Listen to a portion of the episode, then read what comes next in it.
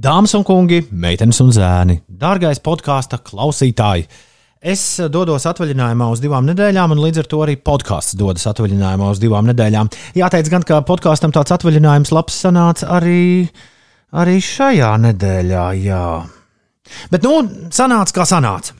Jebkurā gadījumā, pēc tam, pie, vēlā piekdienas vakarā, gatavojot uzsildītās brokastis, kas sestdienās un svētdienās ir dzirdamas 5 LV ēterā starp 8 un 10 kur skan labākie momenti no visas nedēļas. Šoreiz Inesē nebija vaļas to darīt. Viņa parasti ir tā, kas sagatavo šo sestdienas svētdienu raidījumus. Es šoreiz biju pie, pie pogām, un es sapratu, ka bija ļoti, varbūt, jā, varbūt tie pagājušās nedēļas raidījumi daži nebija tādi, kurus vajadzētu no A līdz Z kādam vēl kādreiz klausīties. Bet tajos bija pāris tiešām tīkami zelta momenti. Un tāpēc es vēlējos visu, kas nebija, pir, jā, visu izņemot pirmdienas materiālu salikt kopā vienā, vienotā kompilācijā, lai šī nedēļa, tāda kāda tā bijusi piecu rītu dzīvē, lai tā tomēr tiek iemūžināta un lai jūs varat atmiņās par to, bijušās vai nebijušās, gremdēties. Nu, kaut kā apmēram tā. Skatieties Eirovīziju, skatieties hokeju, jē, jē, Latvijā uzvarā un uh, tiekamies jau atkal gan podkāstos, gan arī piecu rītu ēterā pēc divām nedēļām. Uh, jā, bet šis ir, nu, tā teikt, tāds kārtīgs piecu rītu rosals ar labākajiem momentiem no veselas nedēļas. Baudiet to! Nu ko? Džezā! Tikai meitenes! meitenes.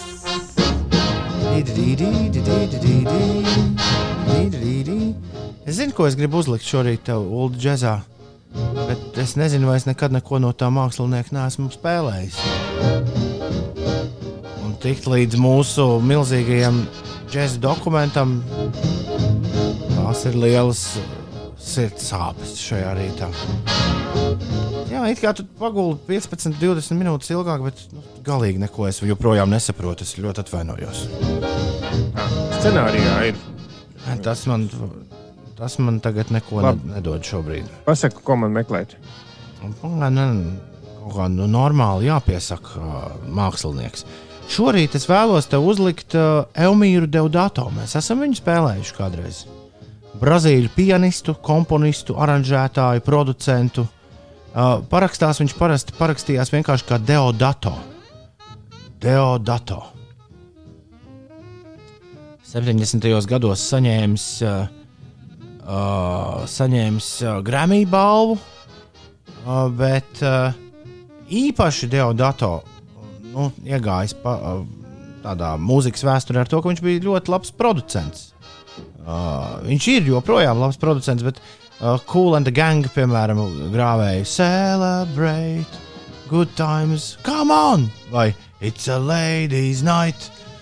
Uh, viņš ir aranžētājs un producents šiem gabaliem. Jā, Kā, nu, Tā. jā, Mēs esam no viņa spēlējuši 2017. gadā Za- Zaratustras motīvu. Tagad uzspēlēsim vēl vienu motīvu, kuru mēs esam spēlējuši, man liekas, neskaitāmās versijās. Uh, šajā raidījumā Ulas tūlīt pateiks, cik versijās. Man liekas, ka vairāk pa vienu reizi pavisam noteikti. Mēs uzspēlēsim slaveno uh, Geršvina, jā, nu Geršvina visslavenāko gabalu, uh, skumju rapsodiju, uh, kur uh, latviešu mēs vienmēr par to iesmējam, ir rapsodija zilā krāsā. vai, kaut kas, vai kaut kas tam līdzīgs. Bet atcerēsimies, iepriekšējais, kad mēs spēlējām Martā Osakina izpildījumā, kas, starp citu, ir vienīgā reize, kad Tiešām? skanējis. Jā. Oh.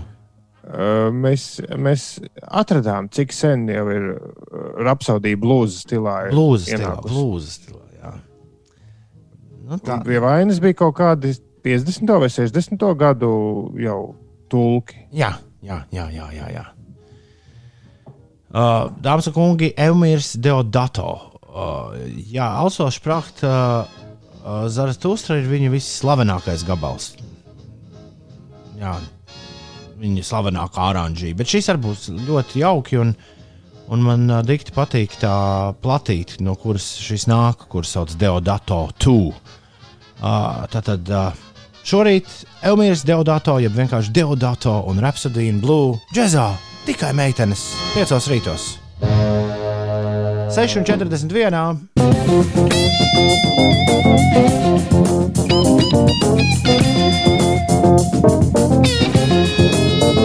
Man acis priekšā ir tāda Quentina Tarantino filmas stilā ballīte pie peldbaseina, kurā skan šis fonā Deodato Rhapsody in Blue.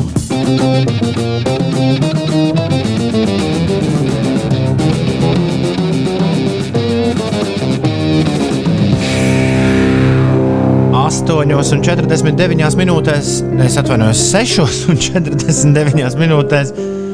8,46 ir uh, dziesmas garums, jā, tāpēc uh, es aizskatījos. 6,49 minūtēs uh, Deodato Rhapsody in Blue Geršvina. Tādās, uh, nu jā, Tarantino skaņās, es teiktu. Kā tev patīk, Uldi? Es jau biju kaut kur jau dzirdējis. Un, un, un ļoti patīk, un viņš jau iedzina tādā Laiskā, meditācija. laiskā, Nu, tādā, jā. laiskā, laiskā rīta sajūtā. Vai mēs tiešām visas astoņas minūtes Mēs nospēlējām? tiešām nospēlējām visas 8 minūtes un 46 sekundes. Tas ir droši vien kompliments. Es domāju, ka tas ir kompliments, vai ne? Tur pietiekami daudz kas notiek un ir ļoti interesanti. Liels lūgums pasveicināt superīgo trusi, raksta lapsiņu, kurš ir tieši tik traks, ka pietiek un pāri paliek citiem, ko dot. Bučiņās! Čau, trusi! Taksists Dīdzis raksta, ka nedēļas nogalē viņš balsoja par visu laiku labākajām Eirovīzijas dziesmām, ko ik viens no jums ir aicināts izdarīt, atverot e-punktu uz Slipsvītra Eirovīzijas tops. Vēl līdz piekdienai notiek visa Eiropas balsošana par visu laiku labāko Eirovīzijas dziesmu. Un būs ne tikai visa Eiropas rezultāti, bet būs arī Latvijas rezultāti. Un nākamā nedēļa Magnus tos atskaņos šajā raidījumā. jo es pieslēgšos simtprocentīgi Eirovīzijai. Un, uh, jā, Digis taksists raksta, nedēļas nogalē balsojot par visu laiku labāko Eirovīzijas dziesmu, atradu daudz labu dziesmu no sendienām. Es jau vakar uh, teicu, ka ļoti laba nu, tā balsošanas lapa ir uh, pārvērtusies uh, par tādu ļoti labu mūzikas izziņas vācelīti. Un mēs ar Ulu vakar spēlējām spēli, kurā Ulas nespēja uzminēt nevienu, nevienu valsti. Es tiešām ar to lepojos, un man nav ne mazākās vēlēšanās uh, kļūt par Eirovīzijas pazinēju. Man interesē, zinu- vai tu šo rezultātu pēc valodām, nu, varbūt, izņemot ja Vācijas un Austrijas lamats atkal uzstājas. Es gribu zināt, vai tu spēj atkārtot šo brīnišķīgo panākumu. Tur ir, tur ir foršas play podziņas.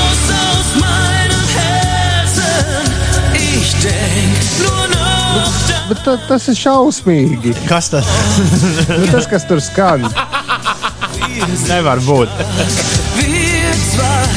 Es, vienkārši- es, es, es turos, bet nu, tādā nu, mūziķa aprindās, nu, nu, tā mūzika, kas ir Eirovīzijā, nekad nav tikusi uztvērta par mūziku. Tas varētu būt 2017. gada, tikpat labi un 1965. gada. Bet tev, tev nevajag gadu minēt. Pasaki, no kuras valsts šis brīnišķīgais gabals bija. Nu, labi, ja Vācija, tad nezinu, 80. Tev nav jāsaka gadi. Te Bija, tas bija 1989. un tu neatkārtos vairs vakardienas panākumu, jo tā tiešām ir Vācija. Nino D'Angelo ar flīgeru. Nu, labi, mēģinu vēl. Episki šis skats pagaidi. League. Radio Merkurs vēl ir gaisā. Uh, labi. Uh,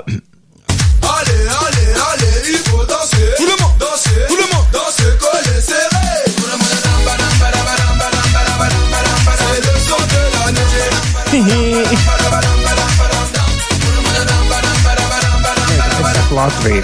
Ko lūdzu? Es saku Latviju. Tā ir, Es nezinu. tā ir Francija.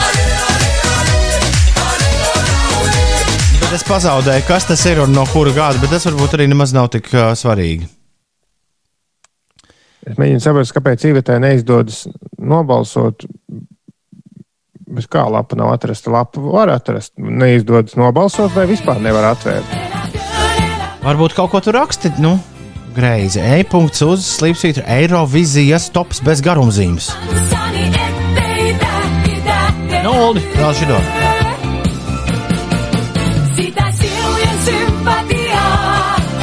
Luksemburga. Luksemburga, nē, tā ir Sonja Lume. Te nosaukumu arī jau. Tā ir Sonja Lume ar Elekēnu Elemā.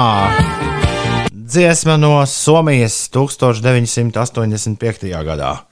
Šis somu grāvējs visu Eiropu apstādināja. Viens, viens un divi vienā rāmienā. Labi, šobrīd ar trījiem pietiks. Pieci rīti skatos TV. Jā, uz TV skatīšanos mēs esam naski. Ir laiks vai nav laiks, vai, vai vienalga. Šad un tad mēs kaut ko ieslēdzam un, un paskatāmies. Un uh, es Ulu, esmu nokļuvis. Tas prasīja ilgu laiku un pieradumu, bet man šobrīd ir sagrābis visu laiku vislabāk pelnījušākais seriāls Amerikas uh, vēsturē - Seinfeld. Es drīz būšu Seinfeld speciālists. Un tad es droši vien jums arī kādā rītā pastāstīšu savus nu, lielākus secinājumus par Seinfeld, jo pagaidām es vēl tikai iepazīstos. Bet ar ļoti lielu prieku iepazīstos. Bet ko tu esi skatījies pēdējā laikā? Es esmu iebraucis atpakaļ un sācis no sākuma uh, Parks and Recreation. Par ko, jo beidzās Modern Family un vajadzēja kaut kādu tādu komēdiju seriālu. Bet par to mēs runājam jau 19. gadā. Parks and Recreation ir uh, Amazon uh, pieejams visas sezonas. Atceros, ka tad, kad sāku skatīties, neko par to nezināju. Pēc tam izlasīju, ka pirmā sezona esot uzskatām par kļūdu, bet nav nemaz tik traki. Noskatījos nesen pirmo sezonu un ir skatāms. Bet uh, tā kā mums ne, nav teikts, ka tikai seriāli šajā rubrikā, tad es gribētu parunāt par uh, ģimenes filmu ja varētu teikt, bērnu filmu, kur es nejauši noskatījos, pateicoties Tomam Lūsim Oh, eh, no Ceha, kurš, bija, kurš ierakstījis, ka Netflixā The Mitchells vs. The Machines 10 no 10 cieši iesaku. Jā, Multena nesen uzrādījās Netflixī, un man šķiet, ka joprojām ir top augšgalā. Jā, Nu, viņa ir, viņa ir rīktīgi svaiga. Jā, pavisam svaiga multeni, un uh, tā ir garā multfilma. Tātad filmas izmēra multfilma. Uh, visai, uh, izklaide visai ģimenei. Bet tā kā šo ieteica Twitterī Toms Lūsis, kura humora izjūta ir tāda nu, visai nopietna. Tad es sapratu, ka, ir vērts paskatīties arī tad, ja nav nu, Ģimenes bērnu. bērnu. Jā. Nu, bērnu, teiksim tā. Kaķerī neskatījās. Un jā, nu, daži gan tur komentāros zem to ieraksta raksta, ka tur esot, uh, nu, ka esot tik ļoti tripping, ka nevajag pat nekādas aizliegtas lietas, kuras, protams, ir aizliegtas. Jā, ir, ir mazliet tāda sajūta, ka, tur, nu, ka tu esi kaut kādā citā realitātē, brīžiem skatoties. Jo viņi ir ļoti forši sakombinējuši tādu centēvu animācijas stilu, nu, zīmēto ar to 3D datoru grafiku. Līdz ar to tā mūtene ir tāda, ka brīžiem tu tiešām nesaproti. Nu, tur ir tik daudz pārklājumu un visādas uh, nu, uzzīmētas pa virsmu, vēl kaut kādi tādas. Jā, jā tu, tu runā, runā, runā. Es te, nu, kaut ko ieraudzīju nu, pats ar šo saistību. Nu, jā. Bet uh, mūtene ir lieliska. Mūtene ir tāds īsts sižets. Mūtfilma ir par uh, telefonu ražotāju, kurš ir uztaisījis super telefonu, kas patiesībā ir robots, kas palīdzēs tev visos mājas darbos, un tie roboti beig beigās mēģina iekarot pasauli. Un kaut kā tā sagadījies, ka vienīgie, kuri tiek sveikā cauri un netiek iespundēti tur tādās kastēs no cilvēkiem, ir Mičela ģimene, kas ir ģimene, nu, kā Latvijas pateikt, disfunkcionāla. Nu, tāda, Nu, tāda- īsti nes, nestrādā.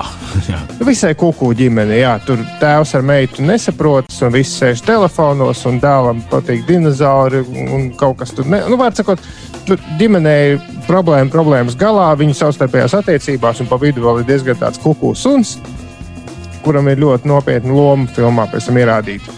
Un eh, tas, es, jau, es tikai pēc tam izlasīju visus tos ļaudis, kas ir ierunājuši viņu, viņu nu, balss šajā te filmā. Tur ir gan Jans Legends, gan Conan O'Brien, ir viens no ļaunajiem robotiem.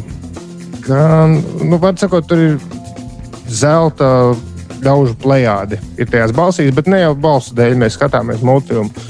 Multfilma ir. Nu, riktīgi rēcīgi, bet nevis tā stulba rēcīgi, bet ar visādiem tādiem ļoti uh, smalkiem. Jo ir joki, tā kā Simpsonos, ir joki, kas patiks bērniem, un ir joki, kas patiks pieaugušajiem, kurus bērni vispār nesapratīs. Nu, un tad tagad pats labākais. Uh, uh, es uh, ši, šo ātri izpētīju. Tātad, uh, tu skatījies filmu angļu valodā, vai ne? Jā. Rekords ir angļu skaņa celība. Hey man, it's just a movie. Do you need a minute or? Un nospiežam vienu podziņu, un uh, Nē, būs labi. Par vēlu darīt to, kas jādara. filma ir dublēta latviešu. Man pēc man pieejamās informācijas šī ir otra Netflix filma pēc SpongeBob SquarePants pēdējās multenes, kas ir dublēta latviešu valodā. Interesanti, ka par to nu, nav tā, ka kaut kādā jauno vecāku komunā kāds uzreiz baigs bļautu, ka jau ir parādījies vēl kaut kāds gabals latviešu. Pilnīgi skaidrs, ka šis uh, manās mājās tagad ies uz rīņķi. Sākot no pirmā kino vakara, kad šis tiks uzlikts. Uz bet tevi es saplēsīšu apzināti. Jā, Nu, tad eh, galvenais, ko es varu pateikt, eh, vismaz pirmo reizi skatoties, un, un droši vien arī otro, jo tur noteikti ir lietas, kuras var pamanīt tikai otrajā reizē. Uh, iesaku, būs forši. super. Šorīt uh, pieci rīta skatās TV The Mitchells vs. The Machines. Uh, jā, Miķeļi pret mašīnām. tā sanāk. Paskat, paskat, pulkstenis jau ir bez desmit minūtēm astoņi. Ja tev astoņos kaut kur jābūt, steidzies, bet lēnām. Ja tev nekur nav jābūt, tad uh, izbaudi šo skaisto un jauko rītu un paliec kopā ar mums. Un, uh, jā, kas ir par ko smējies? Es sasmējos par īziņu ļoti lakoniski. Kur meitene? Bet tagad, ā, dāmas un kungi, interesantās ziņas. Mēs sākam ar interesantu pašmāju jaunumu. Cienījamais mūziķis un mūsu labs draugs Vestards Šimkus izcēlis no pagaldes sen aizmirstu latviešu tautas problēmu - lietuvēnus. Uh, vakar no rīta Vestards raksta Facebookā. Šorīt, pamošanās brīdī, mani apciemoja tā sauktais lietuvēns. Skaidri dzirdēju, ka atveras attēlā redzamās guļamistabas durvis. Nu, jā, to attēlu mēs nevaram parādīt. Bet, nu, iedomājieties, attēlā redzamas tieši tā Nu, guļamistabas vienkārši atvērts durvis. Skaidri dzirdēju, atveras attēlā redzamās guļamistabas durvis. Nākamajā mirklī nevarēju ne pakustēt, ne parunāt, ne pāelpot. Fonā vēl tikai trūka Aleksandrs Skriabinas sestās klavieru sonātas draudīgās sākuma taktis, kā piemērots skaņu celiņš. Brīdi vēlāk durvis atkal bija cieta un viss bija kārtībā. Tā bija kāda piektā reize pēdējo desmit gadu laikā. Dārgie draugi un klausītāji, vai jums ir kādas versijas par, ko, par to, kas tas īsti tas ir? Zem ieraksta jau ir ap 150 komentāriem. Visus mēs nelasīsim, bet Ulas ir īsumā izkonspektējis populārākos viedokļus par to, kas tad virina vēstures durvis. Un uh, rekur. Nu, e, nē, nu, nē, es, es tad dažus izkopēju, bet e, nu, principā ir tā, no kuras puses skaties, ir divas galējības. Viena ir tie, kas raksta, ka tur ir e, ka katrā mājā, kur šādi notiek, ir miris kāds cilvēks. Tad ir ļaudis, kas raksta, ka tie ir gariņi. Tad ir ļaudis, kuri iesaka visādas tantes Jālgavā, pie kurām vajag ar steigu doties un runāties. Jo citādi tas taču ir kaut slikti. kāds vējš vai tas, kā māja uzbūvēta. Nē, nu, eh, daudz raksta, ka māja ir īpaši koka māja, tā žūst un dzīvo un kustas. Un, un tagad pavasarī mājai uzsilstot, iespējams, ir kaut, kā, kaut kādā veidā. Tas ir pa tām durvīm. Jā, bet par, par to Lietuvēnu pašu daudz ļaudis raksta, ka, ir, ka tā ir tāda parādība kā miega, miega paralīze. Kas ir, nu, tur kāds bija ielicis linku uz Anglijas veselības aizsardzības iestāžu aprakstu, ka, ka tas ir tad, kad tu it kā pamosties, bet ķermenis nav pamodies. Un tu nevari pakustēties, parunāt vai atvērt acis. Un ir sajūta, ka kāds ir istabā un ka kāds uz tevi spiež. Tu paraksti angļu, angļu NHS. Tā ir miega paralīze, kas var būt līdz pat vairākām minūtēm. Auč! Jā, bet eh, nu, tā, tā, tas ir. Nu, it kā nav nekas neparasts, bet nu, mums tas ir redzams lietuvēns. Bet uh, lielākā daļa komentāru tomēr iesaka izdzīt ļaunos garus. Uh, Iegādāties Lietuvānam kaķi. tagad bija zīme kaut kāda, kas ir jāvelk. To vestards var tu- uzzīmēt ar krītiņu. Nu, tieši tā, jo pastaigā par Rīgu vai redzi kaut kur lietuvēnu zīmes. Nav. Nu jau nevelkam.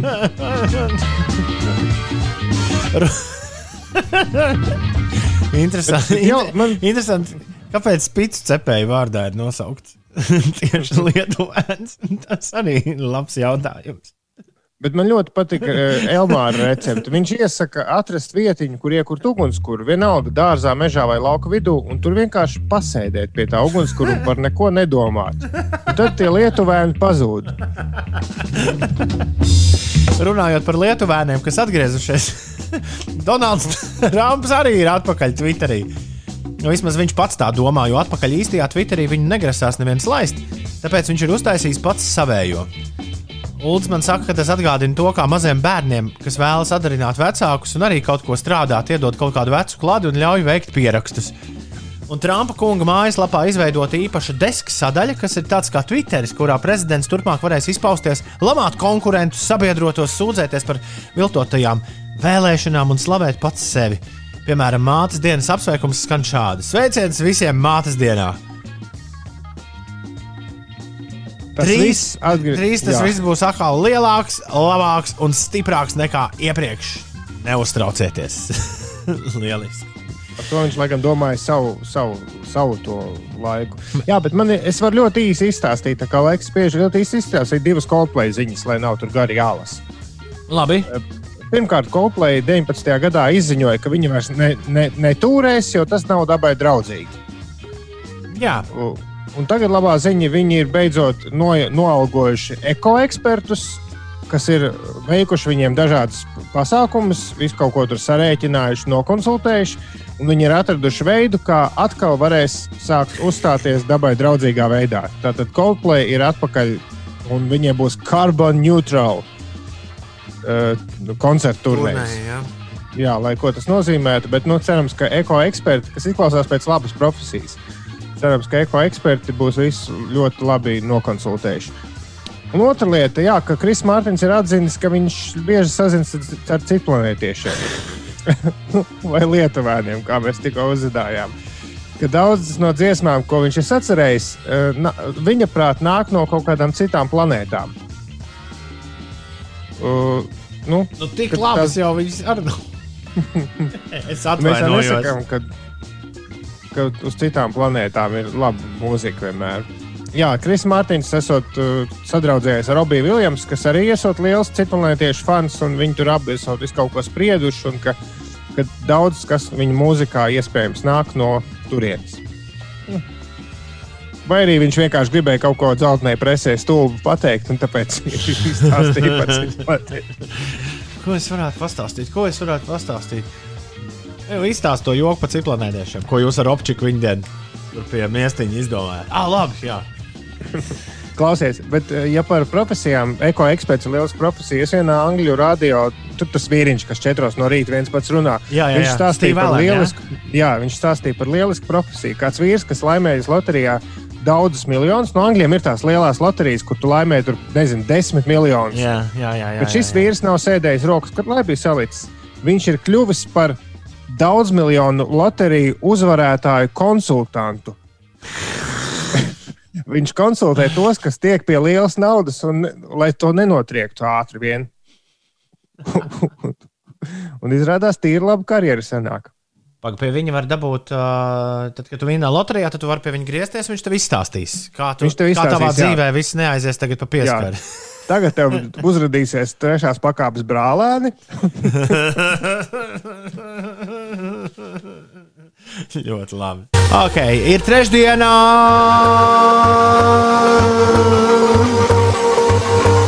Un trešdienās parasti šajā laikā iet vaļā. Jauno vecāku rīts, Šī trešdiena nav izņēmums. Aiziet!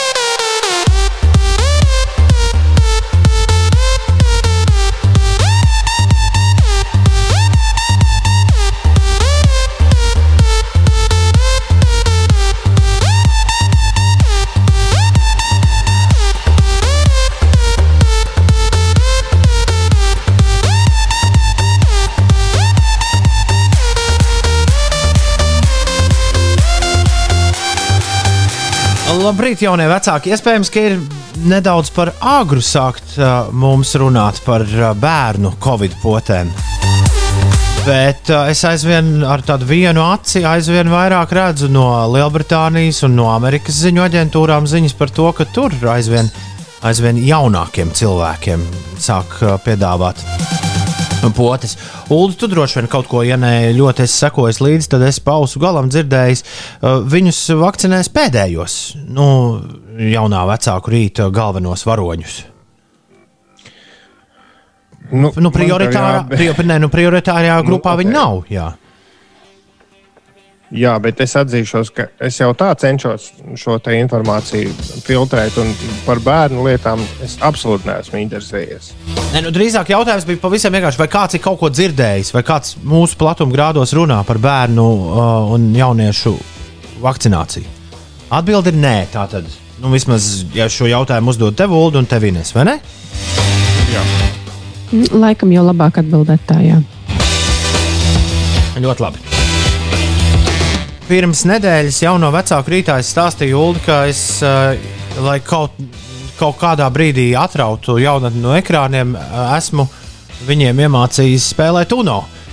Jo, ka- kas, starp citu, ļoti ātri notika. Nu, man jaunākajam dēlam joprojām ir brīži, kad viņam grūti ir saprast līdz galam noteikumus UNO. Ir tīpaši tajos brīžos, kad, pacel, kad tev ir jāpaceļ kārtas, tad, kad gandrīz tu jau esi uzvarējis.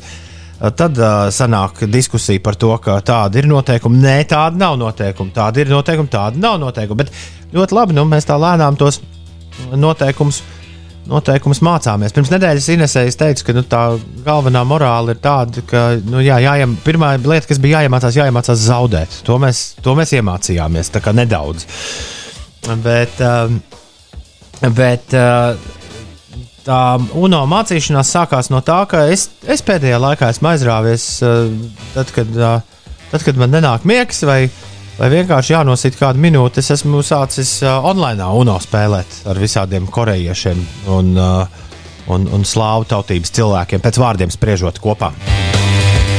Jo laika zonas vienkārši Nu, amerikāņiem droši vien nesakrīt. nu, jā.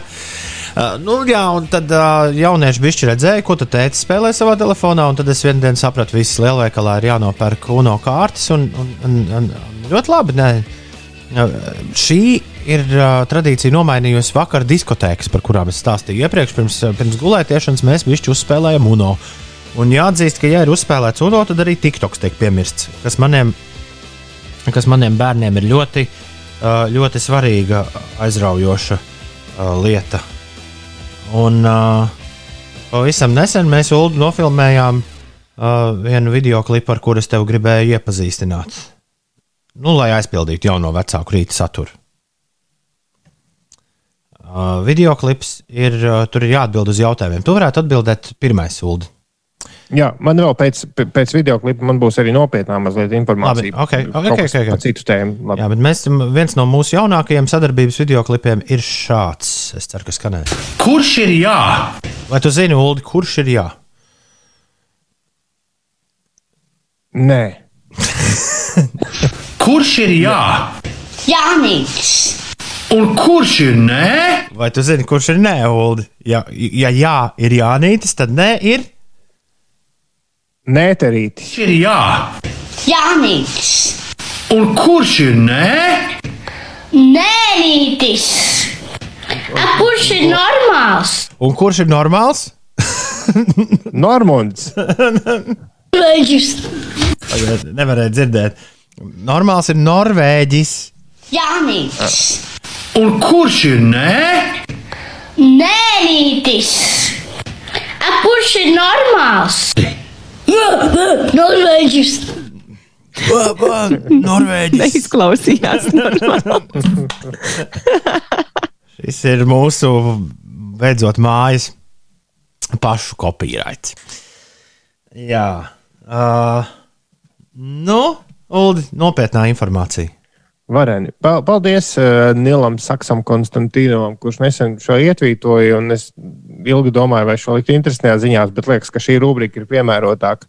Viņš bija ielicis linkus uz diviem ļoti nopietniem pētījumiem.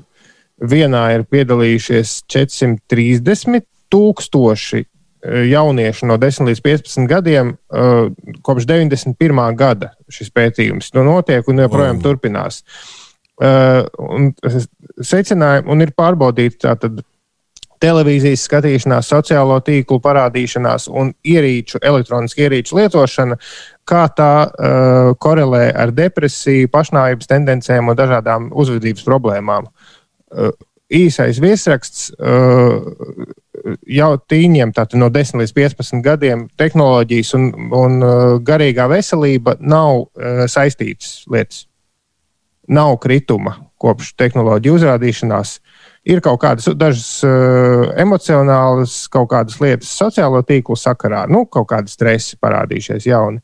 Bet tā tad garīgā veselība kā tāda, kopš 91. gada uh, parādoties jaunām tehnoloģijām, nu, bērni visi sēž ekrānos, garīgās veselības, uh, Oxford, šis ir Oksfordas Universitātes pētījums.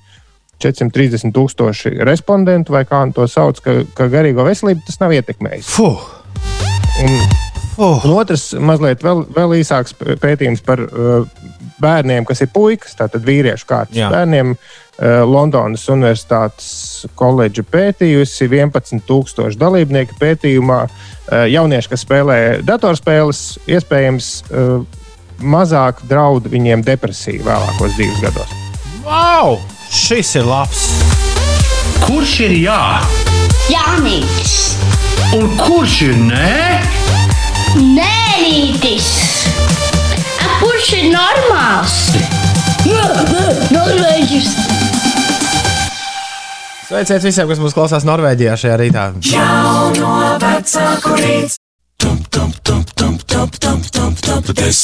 Šorīt top desmitniekā esam apkopojuši jūsu desmit startus popielās. Un kūciņu kurjeris Matīs ir desmitajā vietā. Viņš attēloja Corn, corn Twisted Transistor ar čomiem pamatskolā. Jā, tieši tā. Viņš eh, mācījās kustības no video klipa un eh, liek piebilst, ka domāja, ka Korni ir grupa, kurā spēlē tikā, tikai melnādainie. Bija tā teikt, ar grīmu padarbojušies. Ja? Uh, Druvietim 9. vieta. Vienīgais mans popīls iznāciens bija ar Robertu Gobziņu dod ēst. Skatītāju simpātijas pirmā vieta. Skolotāju žūrija pēdējo vietu iedeva. Pārējā laikā biju žūrijā vai spēlēju kā jau DJs. Tāpat varam arī ērgli no Liepājas ezera pielikt.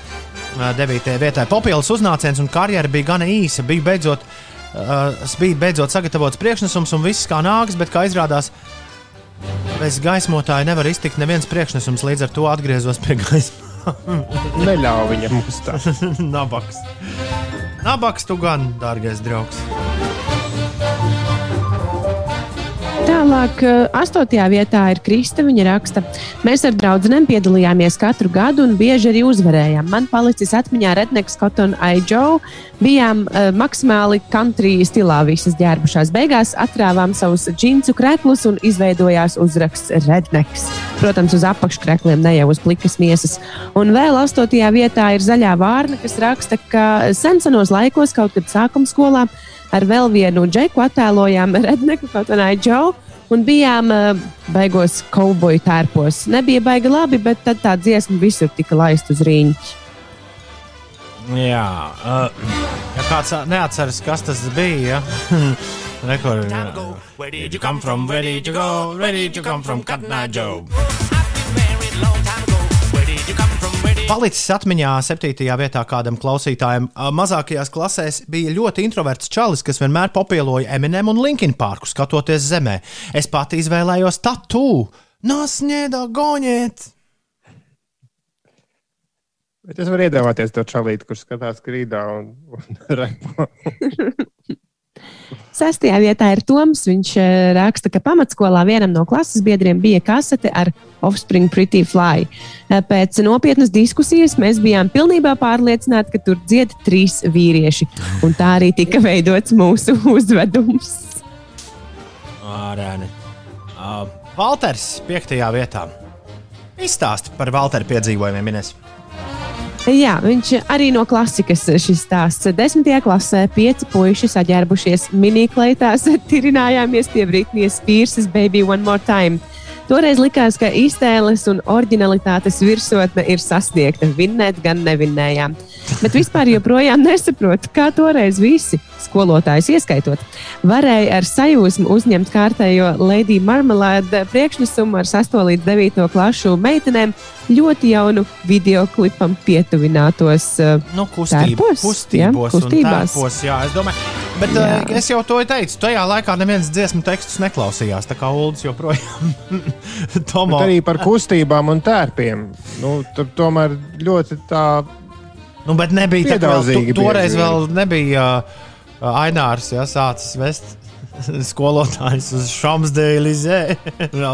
nu, Mulāna rūžā viņas nebija bijušas. Tomo 4. vietā. Sen, sen sasodīti, sen tēlojām Limbiskit Rollen. Kulminācijā izdomājām piešķilt vulkāniņus. Nu, pirotehniku uztaisīt. Šķilšana bija pazemojoši ilgi, jo šķiltavas misējās, bet, kad piešķīla, visa zāle bija dūmos. Uzvarējām! Jā! Jej! Trešā vieta ir Ingai. Esmu piedalījusies vairākās papielās, taču vienā uzvarējām ar When You Believe. Bet labākais bija tas, ka tēloja Vitnija Hjūstoni un nācās pārtapt par tumšādaino. Draudzene no sporta dejām iedeva paštonējošo līdzekli un beigās, kā uzvarētāja, dzeltena brūna staigāja vēl mēnesi. Un mugurā mazās melnās kleitiņas vietā man bija viens stars no adītiem leggingiem. Lieliski!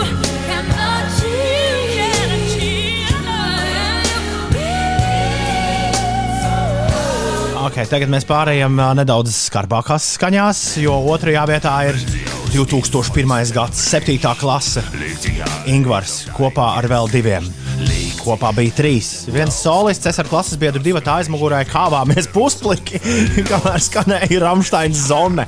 Kad sākās pieciedājums, abi nostājāmies zaldātiņā, un kad pieciedājums beidzās, atkal sākām kauties. Dziesmas beigās, kad bija bēdīgā nots, viens no mums nomira. Tas bija es. Trakākais bija tas, ka pēc nedēļas bija māmiņa diena.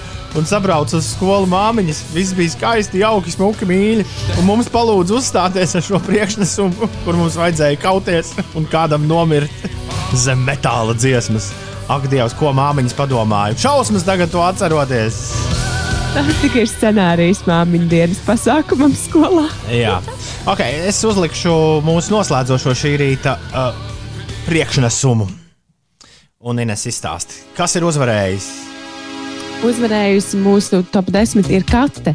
Viņa raksta, ka trešās klases papielā biju modern talking, un es esmu meitene. Biju pārliecināta, ka dziesmu izpilda dāma. Neviens no pieaugušajiem man šo neatklāja. Pat mēģinājuma laikā tikai nu, jā, tad Kate uzzināja no klases biedra pēc uzstāšanās. Auč! Nu, labi, aiztaisām acis. Var sajaukt, ja, ja tu pēkšņi visu aizmirsti par šo grupu. Vai tiešām var iedomāties, ka šo dzied dāma? Jā, jāpadomā. Trīs, četri. Nu. Cik var būt gari ievadu dziesmām? Karaoke versija. Nē, nē, nē, nē šis, ir, šis ir absolūts oriģināls.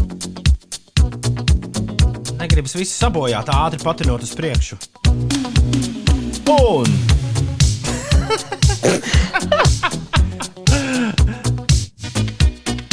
Ak, Dievs! Tu neesi atradzis tiešām kaut kādu fonogrammu. Nu, nē, ir jau minūte 40, un tur neviens nedzied. Nabaga kate. Jā, tā var būt tante, es piekrītu. Tā, Mierīgi, tā jā. var būt tante, kas dzied. Paldies visiem, kas piedalījās top 10. Labrīt, visapkārt!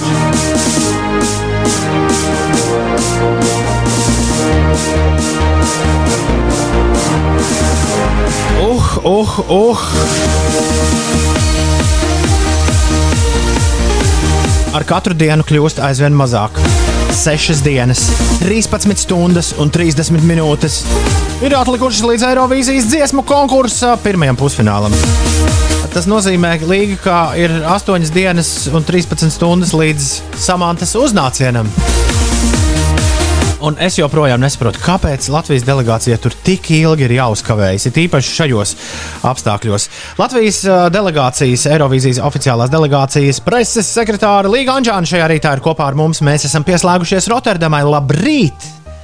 Līga. Labrīt! Labrīt, Latvija! Līga, kā tu jūties? Uh, mums ir diezgan sāpīgi noskatīties uz jūsu saulainajām, vasarīgajām bildēm Latvijā, jo Rotterdamā vakar, piemēram, gāza lietus un, un, un, un bija briesmīga vētra. Bet tā kā mums visu dienu bija mēģinājumi, tad mēs tā īpaši par to nepārdzīvojām. Jūs tā kā ārā tāpat neviens nelaiž. Nu, apmēram tā arī ir, bet šorīt, piemēram, mēs dosimies tādā nelielā trīs stundu ekskursijā tikai mūsu burbuļu ietvaros. Sākumā ar autobusu, tad nedaudz ar kājām, ievērojot savstarpējo distanci un valkājot maskas. Nu, tik traki arī nav. Bet, jā, drošības pasākumi Rotterdamā šogad ir īpaši stingri. Vakar bija tāds zīmīgs mirklis, kad ieradāmies arēnā un noklausījāmies pirmo drošības instrukciju. Tad šis kungs, kurš atbild par covid drošību un vispār drošību, teica, ka šī atbildība ievērot drošības pasākums ir ā, milzīga. E, Jo visa industrija ir ā, nostumta ceļos, un ā, no katra no mums ir atkarīgs tas, cik veiksmīgi šis pasākums noritēs pandēmijas apstākļos. Eirovīzija ir arī daļa no tāda pilotu projekta, kurā Nīderlandes valdība piedalās, lai izmēģinātu un parādītu, ka pasākumu pandēmijas laikā, ievērojot drošības pasākums, var notikt. Cik cilvēku būs uz vietas uh, Eirovīzijas lielajos vakaros, un uh, kā vispār biļetes varēja uz šo dabūt, vai tu to zini? Organizatori paziņoja ļoti īsu brīdi pirms vispār delegācijas arī devās uz Rotterdamu, ka skatītāji tomēr būs. Tie būs 3500 cilvēki.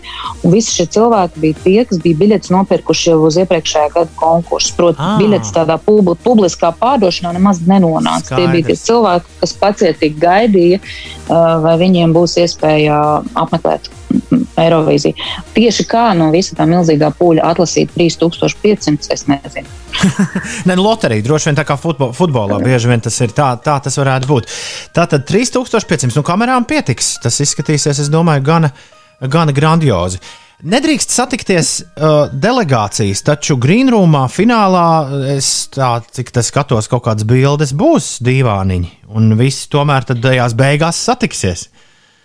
Nu, tie galvenie noteikumi ir tādi. Visur arēnā ir jānēsā respirators. Uh, to drīkst noņemt tikai mākslinieks brīdī, kad viņš kāpj uz skatuves dziedāt, Mhm. vai preses konferencē, piemēram, piedalās intervijā. Visā pārējā laikā ļoti stingri pilnīgi visiem cilvēkiem ir jānēsā maskas, neatkarīgi no tā, vai tu esi zvaigzne vai pavadošais personāls. Uh, savukārt, uh, Greenrooms šogad ir izvietots pa visu to arēnas, kā saka, to. Uh, vidu, kur parasti ir skatītāji, kur stāv kājās, nevis sēž tribīnēs. Un tur tad ir ļoti, ļoti, ļoti plašs, liels grīnrums, kurā šie galdiņi ir uh, maksimāli izretināti. Katram galdiņam ir sava tāda uh, stikla sieniņa atdalošā, vēl to varbūt nevar bildēs redzēt, bet viņi ir. Mēs to vakar arī dzīvē redzējām. Un grīnrumā šogad drīkst atrasties tikai septiņi cilvēki. Vienmēr iepriekš tie ir bijuši desmit, tātad, lai šos krēslus vēl arī izratotu un cilvēki ieturētu maksimālu distanci. Agrāk tas bija viens dīvāniņš, kurā visi saspiedās, tad šogad ir katram savs krēsls, pa tādu distancīti, un grīnrūmā drīkstēs noņemt maskas šova laikā, lai tad, kad tās kameras brauc un piezūmo, nu, ne, nesēž visas maskās. Uz papīra izskatās, ka um, jums būs ļoti daudz brīva laika tuvākās, uh, tuvāko nedēļu laikā. Vai tas tā arī tiešām ir? Nu, jo ir atkrīt visas ballītes, atkrīt, uh, atkrīt ekskursijas un, un vēl kaudze lietu, kas parasti bija šajos Eirovīzijas braucienos. Galu galā līga to ne pirmo reizi kopā ar Latvijas delegāciju. Jā, man šis būs trešais gads, bet godīgi pateikšu uh, tiem cilvēkiem, kas šeit strādā Eirovīzijā, kad nav brīvdienas. Es diezgan ar šaus, šausmām skatos arī uz šo grafiku. Un, piemēram, šogad ir tāda atšķirība, ka mums uh, reizes 48 stundās ir jābrauc uz arēnu veikt Covid testu. Un tad visā tajā tavā dienas grafikā ik pa 48 stundām arī parādās brauciens uz arēnu testēties. Tur tāds testēšanas paviljons. Pirmo reizi mūs jau testēja vispār, pirms mēs vēl bijām nokļuvuši viesnīcā. Tajā diennaktī, kad visi lidojām uz Rotterdamu, mums bija kā četri testi. divi Latvijā un divi šeit uz vietas.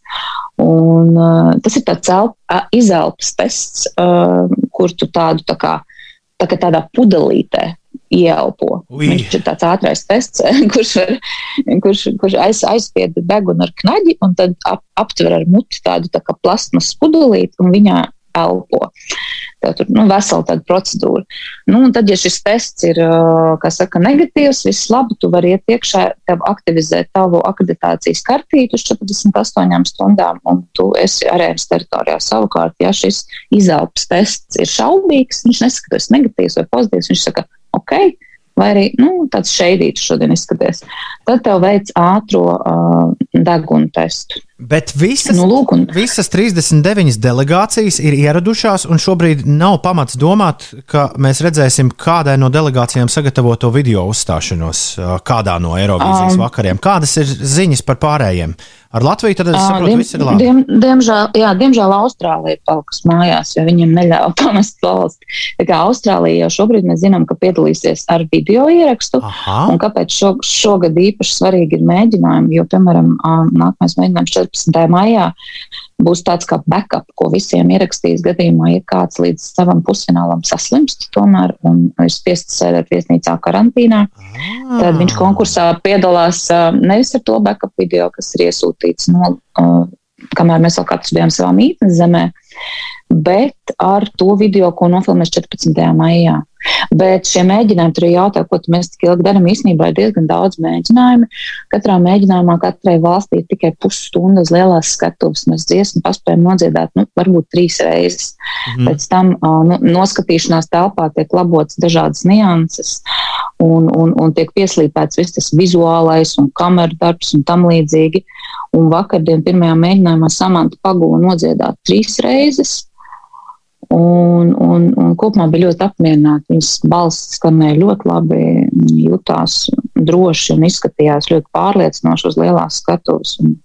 Arī vakarā tā pasēžot un parunājot, viņa bija ļoti, ļoti laimīga par šo iespēju beidzot piedzīvot tos, ko viņa tik ilgi gājusi. Tā kā viss tā testēšana un, un visi tie ierobežojumi, viņi, protams, nav patīkami, jo mēs arī neesam satikuši nevienu citu delegāciju. Viss ir tā saplānots, ka faktiski tajā burbulī, kur vienmēr ir valdījusi milzīga uh, dzīvība un socializēšanās, un viss šis tā aizskatuvs, tāda dzīve un ņudzeklis, mēs uh, satikām tikai Šveices delegāciju uh, ļoti mazā sastāvā, jo viņi pēc mums mēģina jo viņi arī pēc mums uzstāsies pusfinālā. Mēs neesam satikuši nevienu citu delegāciju. Eirovīzijas oficiālajā YouTube kontā publicētais vakardienas samantas video ar mēģinājumu, tur gan mēs dzirdējām apmēram sekundes 15. Patiešām izklausījās, ka samanta tie, tiešām, kā tu saki, izklausījās vareni. Jā, nu tur eiro, tajā YouTube ir tā, tā skaņa, man liekas, ir tīši prāt, eh, kas saka, tāda, kā nu, nebija īstenībā. Samanta nodziedāja vienkārši brīnišķīgi, ļoti, ļoti labi. Arī starptautiskie mēdīji ir šogad ir tas online preses centrs, kur ļoti daudz mēdīju vēro mēģinājums tiešsaistē, nevis klātienē, jo arī mēdīju skaits, kas drīkst piedalīties klātienē, ir, ļoti krietni samazināts nekā citus gadus. Un šie mēdīji šajā čatā, preses centrā arī viss kā viens teica, nu, ka par vokālu vispār nav ko piesieties, ka nu, Latvija nodziedāja ļoti, ļoti labi. Es gribēju jautāt par to testēšanos pirms kāda brīdiņa. Samanta mums stāstīja, ka viņai ļoti nepatīk un ir ļoti bail no tiem deguna testiem. Tad sanāk, ka kamēr viss ir kārtībā, no, no tā jūs esat pasargāti. Jums ir tie elpas testi.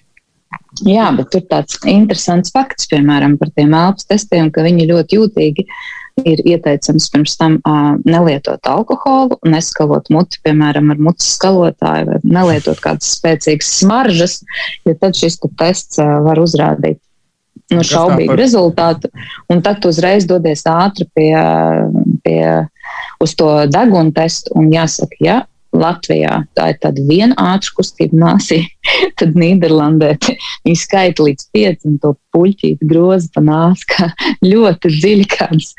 Nu jā, 5 sekundes tā lēni un, un, un nu, nav baigi patīkami. Izbaudīt var. Jā, var paspēt apraudāties. Godīgi sakot, pirmoreiz mūžā izsprāgās ar tieši šajā Nīderlandes atkārtotajā testā. Mēs ar lielu nepacietību gaidām šīs dienas jaunumus par, par prognozēm, kur un kā mēs varētu atrasties pēc vakardienas pirmā mēģinājuma, kuru, kā tu teici, ir vērojuši ļoti daudzi žurnālisti visā pasaulē. Šobrīd mums piešķirta pēc vēl, vēl pirms vakardienas mēģinājumiem 34% iespējamība nokļūt lielajā finālā. Es ļoti ceru, ka uh, Samantai neviens neuzdod jautājumus par, par šo pagaidām nepārāk augsto novērtējumu. Nē, un viņi arī ļoti, ļoti pozitīvi vispār skatās uz šo pieredzi kā tādu. Viņai mm. svarīgi ir to, to pieredzēt, piedzīvot. Viņa arī visās preses konferencēs vienmēr uzsver, ka es neesmu šeit, lai cīnītos. Mēs jau visi esam uzvarēti ar to vien, ka mēs esam beidzot nokļuvuši uz lielās skatuves. Mums ir iespēja uzstāties, darīt to, ko mēs mīlam, kas mums patīk. Un, un tādā ziņā, nu, protams, ka mēs būtu ļoti priecīgi, ja Latvijā pēc tik ilgiem gadiem tiktu finālā. Manuprāt, mums ir šogad ļoti arī forša dziesma un jaudīga izpildītāja. Man liekas, ka mēs jau zem to visu esam pelnījuši. Bet kā būs, to jau lems skatītāji. Bieži vien tas ir tāds pēdējā brīža lēmums, redzot māksliniekus um, tajā pusfināla mm. vakarā. Tiešraidē vienu pēc otru uzstājamies. Un, un, Ne, nu šeit šeit man ir jānokomentē, ka Samantas gan zemās izredzes ir tikai tāpēc, ka viena no galvenajām visu konkursu favorītēm, Bilija Ailiša, kur sauc konkursā šoreiz Viktorija, viņa nāk no Bulgārijas, viņa uzstāsies īsi pirms Samantas, un ļoti bieži tie spilgtākie priekšnesumi vienkārši plus mīnus desmit minūtes uz vienu un otru pusi noņem skatītāju uzmanību. To rāda Eirovīzijas statistika. Bet vai tu Paman, vai tev izdevās ar vienu acu redzēt Bulgārijas mēģi, pirmo mēģinājumu? Vai mums ir par to jābaidās? Ne. Es uh, tikai bildes redzēju, gan no Viktorijas priekšnesuma, bet bija ļoti interesants ar citu par Bulgārijas priekšnesumu. Es arī biju žūrijā. Man bija Bulgārija iekļāvusi, un es varēju balsot par dziesmu, kur izpildījis Bulgārijas pārstāve. Ah. Un, un jā, jā, jā, viņiem bija iepriekš kāds, man liekas, ka piecas dziesmas sagatavotas. Un es kā reiz toreiz rakstīju vēl komentāru, ka ļoti atgādina Bilija Ailiša šī dziesma. Jā, un beig galā tad arī redzēsim, kā viņi izklausīsies lielās skatuves, bet nu, nav sanācis vēl redzēt. Mēs dzirdējām tikai Šveices pārstāvu, un viņš, protams, izklausījās labi. Mm. Arī viņam, viņam paredz labus rezultātus. Nu, par laimi vai diemžēl viņš uzstājas pēc mums, un, un, un jā, nu, redzēsim. Jā, uh, bet. Uh labā ziņa. Visai drīz mēs jau zināsim, kas un kā. Kā es, kādam, kā es vakar teicu, kādam televīzijas cilvēkam, pēc divām nedēļām šis viss būs beidzies. šis viss būs cauri. Ulu, ko tu vēl gribēji teikt? Jūs esat uh, burbulī, ar, tu minēji, ka jūs esat Šveici satikuši, bet tas, uh, tu teici, jūsu burbulim būs ekskursija. Vai burbulī ir tikai viena delegācija, vai jūs esat ar kādu sabrāļot salikt kopā?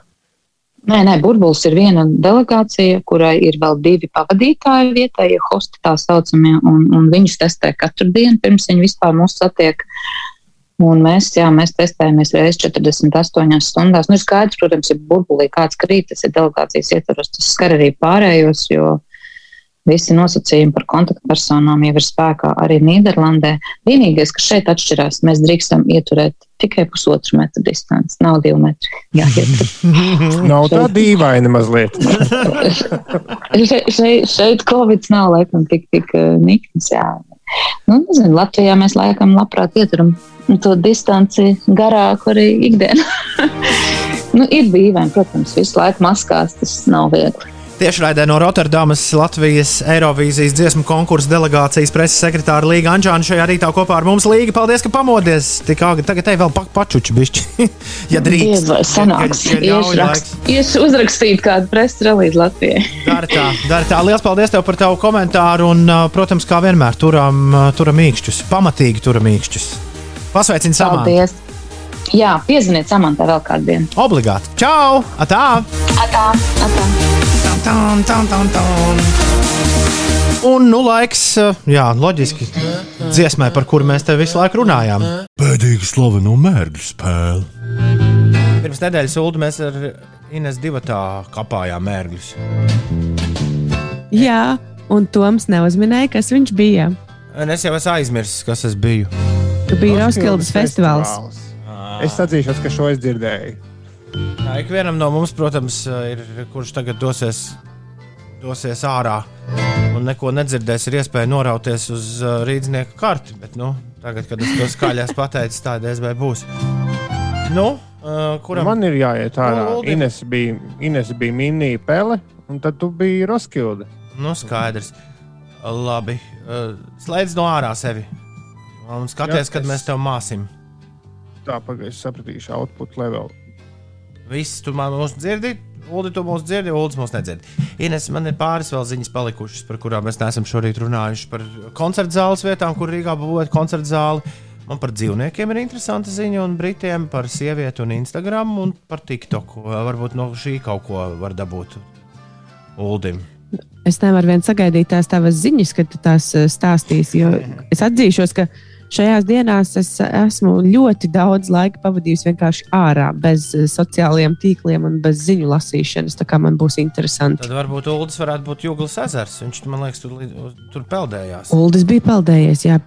Kāpēc Jūglas ezers tāpat vien? Viņa ir Jūglas ezera briesmonis. Bet tāda nav. Nav nevienā ezerā briesmonis. Nu, dažos varbūt ir, bet es neesmu dzirdējis par Jūglas ezera briesmoni. Jā, labi, šis mēmijā šovā būtu labs. Viņš nevarētu būt ievas ziedi vai, vai varbūt uzspēlējam, ņemot vērā, ka mēs Siguldas ievas. Šis būtu labs. eh, Siguldas, šis būtu labs. Ines, nē, es, es esmu. Uh, man tas liekas, liekas tik feini. Ja mēs spēlētu pēkšņi mēmo šovu, cik tas būtu riebīgs radio tiem, kas to neredz. Un Ulas mēģina uzminē, uzminēt Juglas ezera briesmoni. Pirmais vārds. Tas ir gandrīz neiespējami. ok. Uh, tā tad tu saki Siguldas ievziedi. Nu, kaut kas ar ievām, jo nu, jau ir tas laiks, Bet kad, varbūt kad viņam- ievas bet ir sākušas ir- ziedēt. Varbūt viņš ir dziesma, Ziedievas Siguldā. Ziedievas Siguldā? Man liekas, ka tas atbilst vairāk Oi, mērķiem. šis ir uh, next level mērķis. Man ma- liekas, Jā, saucam Ulu atpakaļ. Ulu, nāc šurp. Level, level number two. Uldo! Vai mums viņu vajag brīdināt vispirms? šurp. Jā, jā, jā es esmu Mēs esam pārvākušies jaunā līmenī, Ulu, mērgļos. Mēs tev brīdinām. Tev nebūs jāatmin tikai viens vārds. Mēs esam next level. Bet es nezinu, vai vairāk vēl kaut kas Ulim jāsaka pirms, um, pirms viņš sāk minēt. Ir kaut kā šis vairākās dimensijās. Jā, tā, Vai, tā varētu teikt. Labi, es griežu smilšu pulksteni. Nav jau tā, ka mums te bezgalīgi ilgs laiks ir 6,53. Uldī, mini, kas tu esi? tā, vai es esmu cilvēks? Nē, Nē, Vai es esmu mm, kāds mākslas darbs? jā, jā. Vai es esmu cilvēka radīts mākslas darbs? jā. Mm -hmm. jāsāk Google vērt vaļā. Jā, tagad prasīs par cilvēkiem. Nē, nu, vai es esmu kaut kas, ko var skatīties kādā ekrānā? Mm, nu, Drīzāk, nē. Bet, nu, ja, nu, ja, visu bet, var, bet, bet, Bet, ja ieraksti pamat- Google, tad var uzreiz. Nu, Nu, jā, jā, bet tavs primārais tas. Uh, Nu, kā Primārais- mākslas darbs, tu neesi skatāms. Jā, jā. Nu, ok, tad es esmu kaut kas klausāms. Jā. jā. Vai es esmu padarījis ieraksts? Nē, Nē. Podkāsts. Nē, podkāsts tu nesi. Tā, vai es esmu um, saistīts ar radio? Nu, jā. Jā. Nu, Es esmu mūzika, Jā. jā. vai es esmu kāds albums, Nē. Nē, dziesma, Jā. Jā. vai es esmu kāda konkrēta izpildītāja dziesma? Ai, tu esi konkrēta dziesma, lai mēs neaizietu te greizi. Nu, okay, es esmu kāda konkrēta komponista dziesma. Jā. Jā. Vai man ir jāatmin šis komponists? Nē. Nē. Tu Tā, taču vai es- mini mākslas darbu. Jā, vai es esmu saistīts ar kādu valsts himnu, nē. vai es esmu popmūzikas dziesma, Jā. Vai es esmu, nu, vai es esmu radīta teiksim, pēdējo divu gadu laikā, Nē. nē.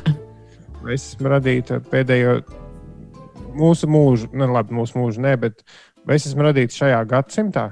Un es īsti negribu tev samelot. Nu, kaut Nē. kā tu. Nu, ap, ap 2000. Nu, Nē, labi, nē, nē, nē, nē, nē. Šajā gadsimtā pavisam noteikti nē, bet es neesmu pārliecināts, ja tu prasītu par mūsu dzīves laiku, Ulu, tad uh, es ne, Okay, vai es esmu dziesma, kas nāk no Amerikas, Nē, Nē, Anglijas, nē, nē, ap- no Zviedrijas? nē, nē, Vai es esmu saistīts ar Eirovīziju? nē. nē. Vai es esmu saistīts ar Krieviju? nē. Es esmu dziesma, kas ir sarakstīta Latvijā. Jā, Jā, Vai es esmu Raimonda Pauldies? jā. Jā. Ines, tu teici, nē. es teicu, jā, Es esmu viena no Raimonda Paula daudzajām dziesmām. Ja? Jā, jā. Un man ir jāatmin dziesma. jā. Mhm. Okay, vai man dziedāja Lapčēnoks, jā. jā. vai manā nosaukumā ir krāsa?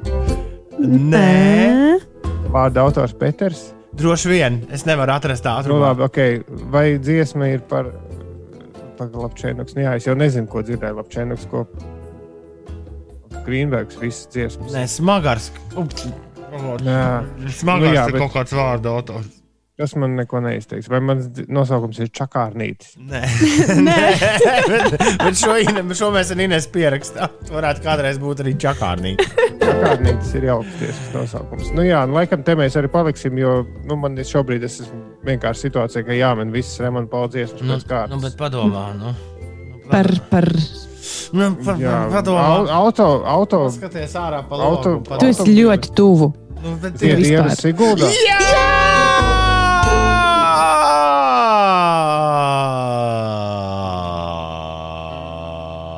Par Siguldu es nezinu. Paspēju. Jā, tu paspēji. Pēdējā sekundē tu ieskrēji iekšā. Kaists mažās gājas. Un liesmu telpā. Jau gribēju, lai tu esi vienkārši Siguldas ievzi. Tas ir. Ines grib, Kas? lai, tu- lai tu esi Siguldas ievziedi. Pagaidā tās dažas dienas, kad es nebiju ēterā, ar jums bija kaut kāda ieva.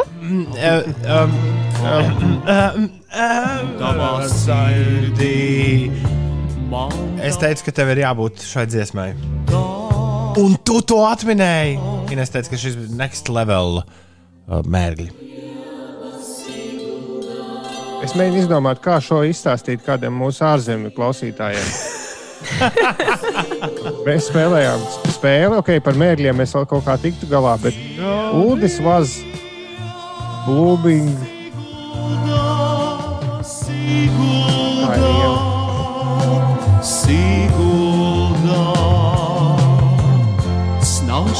kalns gurdā. Uh, Viktor pabeidz dziesmu.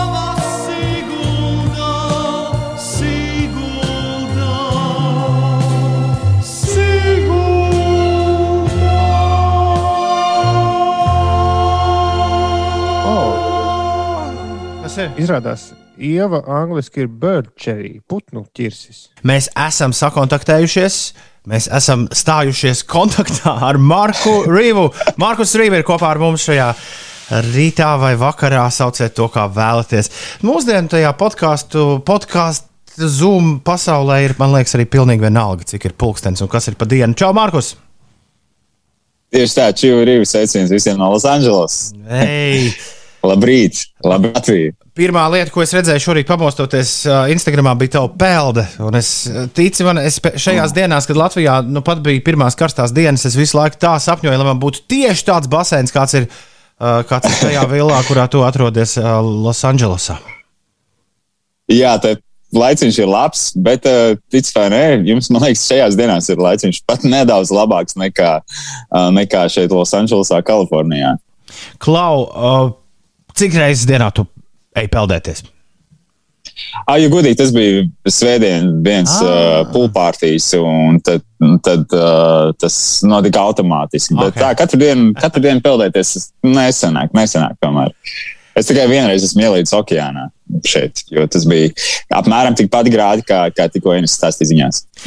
Es neesmu šķirstījis ļoti daudz uh, nu, tos uh, dzeltenos uh, žurnālus. Tur iespējams kāds kaut ko ir rakstījis, bet uz cik ilgu laiku tu esi pārvācies uz Losandželosu? Jo nu, šis nav tāds īsais brauciens. ne? Es neesmu pārvācies. Kaut kā sanāca tas, ka februārī es devos uz Maskavu uz veselu mēnesi piedalīties uh, vienā lielā Krievijas televīzijas uh, projektā. Un līdz ar to mm, ceļojuma beigās man notika šī dilēma, vai braukt atpakaļ uz Latviju, vai tomēr nebraukt atpakaļ uz Latviju. Tad man uh, draugi rakstīja no Amerikas un teica, ka, ja tu atrodies ārpus Eiropas Savienības zonas uh, vismaz 14 dienas, tad tu pavisam mierīgi vari doties uz Ameriku pie mums. Un tad es pāris dienas domāju, ko darīt, vai braukt atpakaļ. Jo tajā brīdī uz Latviju atbraukt atpakaļ man bija daudz sarežģītāk nekā aizbraukt uh, pie saviem draugiem Amerikā. Līdz ar to es atbraucu šeit, un uh, arī zinot, ka kaut kādu laiku Latvijā būs nekāda baigā aršana saistībā ar, ar tām lietām, ko es daru, un, un manām lietām. Mana profesija. Līdz ar to es pieņēmu šo ļoti spontāno lēmumu, bez jebkādiem vasaras šortiem un bez jebkā, tikai ar ziemas jakām, atbraukt uz Los Angeles, Kaliforniju. Un, un ne, mirkli nenožēloju, jo ļoti labs tāds, uh, kā saka, resetting uh, ir noticis un daudz iedvesmas un daudz jaunu ideju. Un cerams, šo visu enerģiju transformēt jau pavisam drīz atpakaļ Latvijā darbos. Pirms divām dienām es runāju ar Loru Rizoto, kur ir tev kaut kur kaimiņos nu, nosacīti. Jo mums parasti liekas, ka Los Angeles, par Los Angeles mēs vienmēr domājam kā nu, tādu vienu. Uh, nu, viena pilsēta pēc Eiropas mērogiem, bet patiesībā jau ir. Apmēram, jā, tā kā. Nu, teiksim, no, ja, ja, ja, vēl kāds Latvijas aizbrauks, ja vēl kāds Latvijas aizbrauks uz Los Angeles, viņš droši vien satiks tevi jau, tu jau arī tur esi. Nu, tu jau esi. nu, jā, apmēram. bet, klau, runājot par, par Lauru, man likās ļoti jautrs fakts, ka jūs visu laiku mēģināt satikties un arī sarakstieties savā starpā. Mēs mēģinām, bet, bet, bet es pēc intervijas iešu gulēt, jo mums rīt no rīta astoņos ir haiks. Mēs iesim haikā un beidzot satiksimies. Satiks Laura Izoto. Brīnišķīgi. Es gaidu ar nepacietību šī haika, tā teikt, atainojumu sociālajos tīklos. Vēl nedaudz par to ceļošanu. Redzam, es vakar, vakar man uznāca tā doma, nē, nu, nu tāpat tieši kā tu saki, īsti nekas nenotiek. Vēls, nu, vajadzētu. Man ir tāds sapnis redzēt pilnīgi tukšu Romu. Nu, vai vismaz nedaudz tukšu Romu. Es domāju, viss, tur... es, es gribu aizbraukt uz Romu. Bet tad es Edzīt pavadīju 15 minūtes, un es iepazinos ar to, ka, ja šodien es dotos uz Romu, ko tas nozīmētu? Man ir, kas man ir vajadzīgs man pirms tam, kas man vajadzīgs ir tur ierodoties, kas man ir vajadzīgs pēc tam šeit atgriežoties? Nu, zini ko, paldies par kūkām! Jā, tas ir ļoti sarežģīti. Un manā gadījumā, protams, es uztaisīju testu, braucot ārā no Krievijas, un es sazinājos arī ar, ar, ar Amerikas vēstniecību Latvijā un uzzināju, kā tad ir šī ceļošana. Un, un man bija nepieciešama tikai esta un tests. Un līdz ar to šajā gadījumā tas bija ļoti vienkārši. Bet eh, jau pēc nedēļas man jābrauc atpakaļ uz Latviju, un tad, protams, testi. Aha. Esmu sapotējies, eh, abas divas pocis esmu saņēmis šeit. Un, eh, nu, es ceru, ka viss būs gludi, un uh, Latvijā būšu atpakaļ sveiks un vesels. Latvijā noteikti ierobežojumi ir stipri lielāki nekā Losandželosā. Es, es vienīgi pieļauju. Abs Jā, un tas, ko es šeit lasu ziņās, ir tas, ka ļoti daudz cilvēku šeit, tieši Kalifornijas štatā, ir uh, sapotējušies, un uh, tas uh, rādītājs Covid ir nokrities viszemāk kā visos, visos Amerikos, Amerikas štatos, līdz ar to arī viss pamazām atvers vēl vairāk vaļā. Protams, ir jānesa maskas un jāierobežo, jāierobežojas daudz, daudzās vietās, bet Uh, dzīvība šeit notiek, un, un, un tas, tas ļoti, ļoti priecē. Un priecē, ka cilvēki tiešām vakcinējas, un, un tas ir svarīgi. Vai tu esi redzējis kaut ko tādu, ko varētu mēs pārņemt? Nu, kaut ko, kas nav Latvijā, bet kas liekas, ir ļoti loģiski izdomāts. Nu, tieši lai izvairītos no vīrusu un šajos drošības apstākļos. Tic man, šeit ir tik daudz neloģiskas lietas, par kurām es katru dienu uh, saķeru galvu. Vai pieņemsim, cilvēks brauc viens pats savā automašīnā. Viņš vienalga, man, labi, labi tādas lietas notiek arī Latvijā, bet nu, viens, viens pats uh, mašīnā viņš brauc ar masku uz sejas, un vai arī mežā pastaigājoties vai kaut kādos uh, dabas, dabas vietās, kur ir svaigs gaiss, cilvēks vienalga kaut vai viņš ir mega tālu, viņš vienmēr staigā maskā. Labi, es nezinu, kā, kāpēc viņš to dara, bet uh, man liekas, tas ir šī neloģiski. Tas nozīmē, bet, nu, labi, ka, tas, no, tas nozīmē, ka Amerikā joprojām bailes ir ļoti pirkts, uh, pirkts, pirkts pasākums.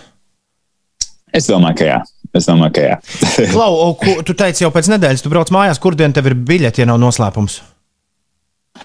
Biļets man ir, manuprāt, otrdienā. Bet, nu, kamēr viss tās laika zonas un kamēr es aizkulšos uz Latviju, tikmēr jau, man liekas, weekends būs klāts. Viss samants, principā tu būsi kaut kur brīdī, kad samants tīna kāps uz Eirovīzijas. Jā. skatuves. Tu, tu pat tu nezini, vai Es tu ceru, to ka man būs labs Wi-Fi. Es domāju, ka es redzēšu, es ceru, ka man būs labs Wi-Fi pieslēgums vai, vai kaut kur uh, tiešām atradīšos tādā vietā, kur es varēšu sekot līdzi un turēt īši par samantu, jo man liels prieks, ka viņi tur atrodas un es sekoju līdzi viņas uh, sociālajiem tīkliem un, un mega liels prieks, ka viņi ir aizbraukusi ar savu konceptu, aizbraukusi ar savu fišku un vispārējo. Un man, es, es ļoti ceru, ka viņai labi ies un ka viņi no šī izsmels visu labāko, ko vienmēr izsmelt.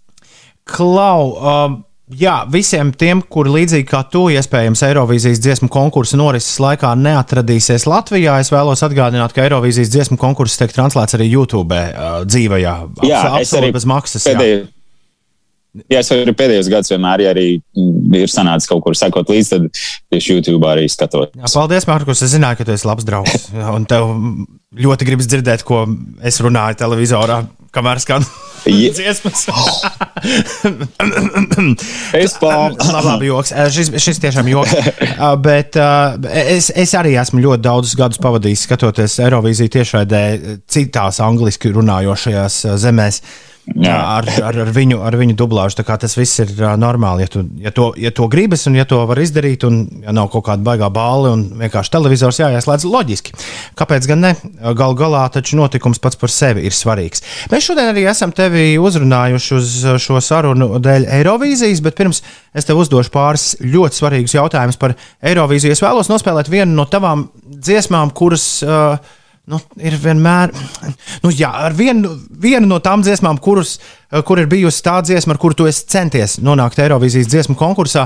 Šo dziesmu saraksts nu, jau ir sakrājies tāds uh, gan, gan pamatīgs, un par to jau mēs esam paguvuši arī pļāpāt uh, reizi vien šajos viļņos. Bet uh, saki, kura tagad, šajā brīdī, Losandželosā, atskatoties uz savu Eirovīzijas pagātni, kura no šīm dziesmām tev pašam ir vistuvākā un kāpēc?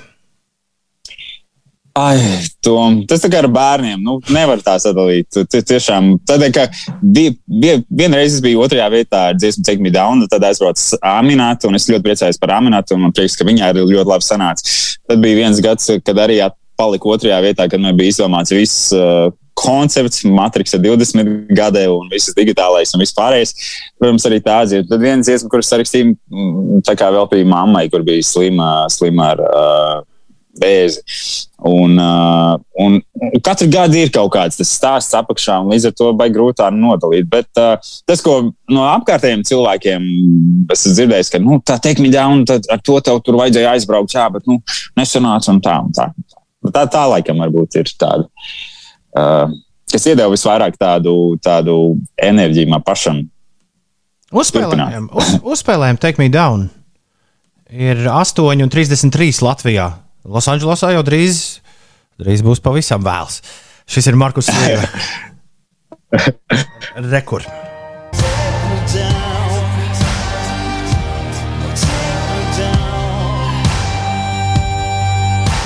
Markus Rīva, Take Me Down. Ekskluzīvi piecos rītos šajā rītā no Losandželosas. Markus ir kopā ar mums. Labrīt, Markus! Labrīt! Labvakar, Markus! Labrīt, labvakar, labrīt, labrīt! Klau! Tas mirklis ir klāts. Nākamā nedēļa viss iet vaļā Rotterdamā. Nu tad šogad beidzot būs.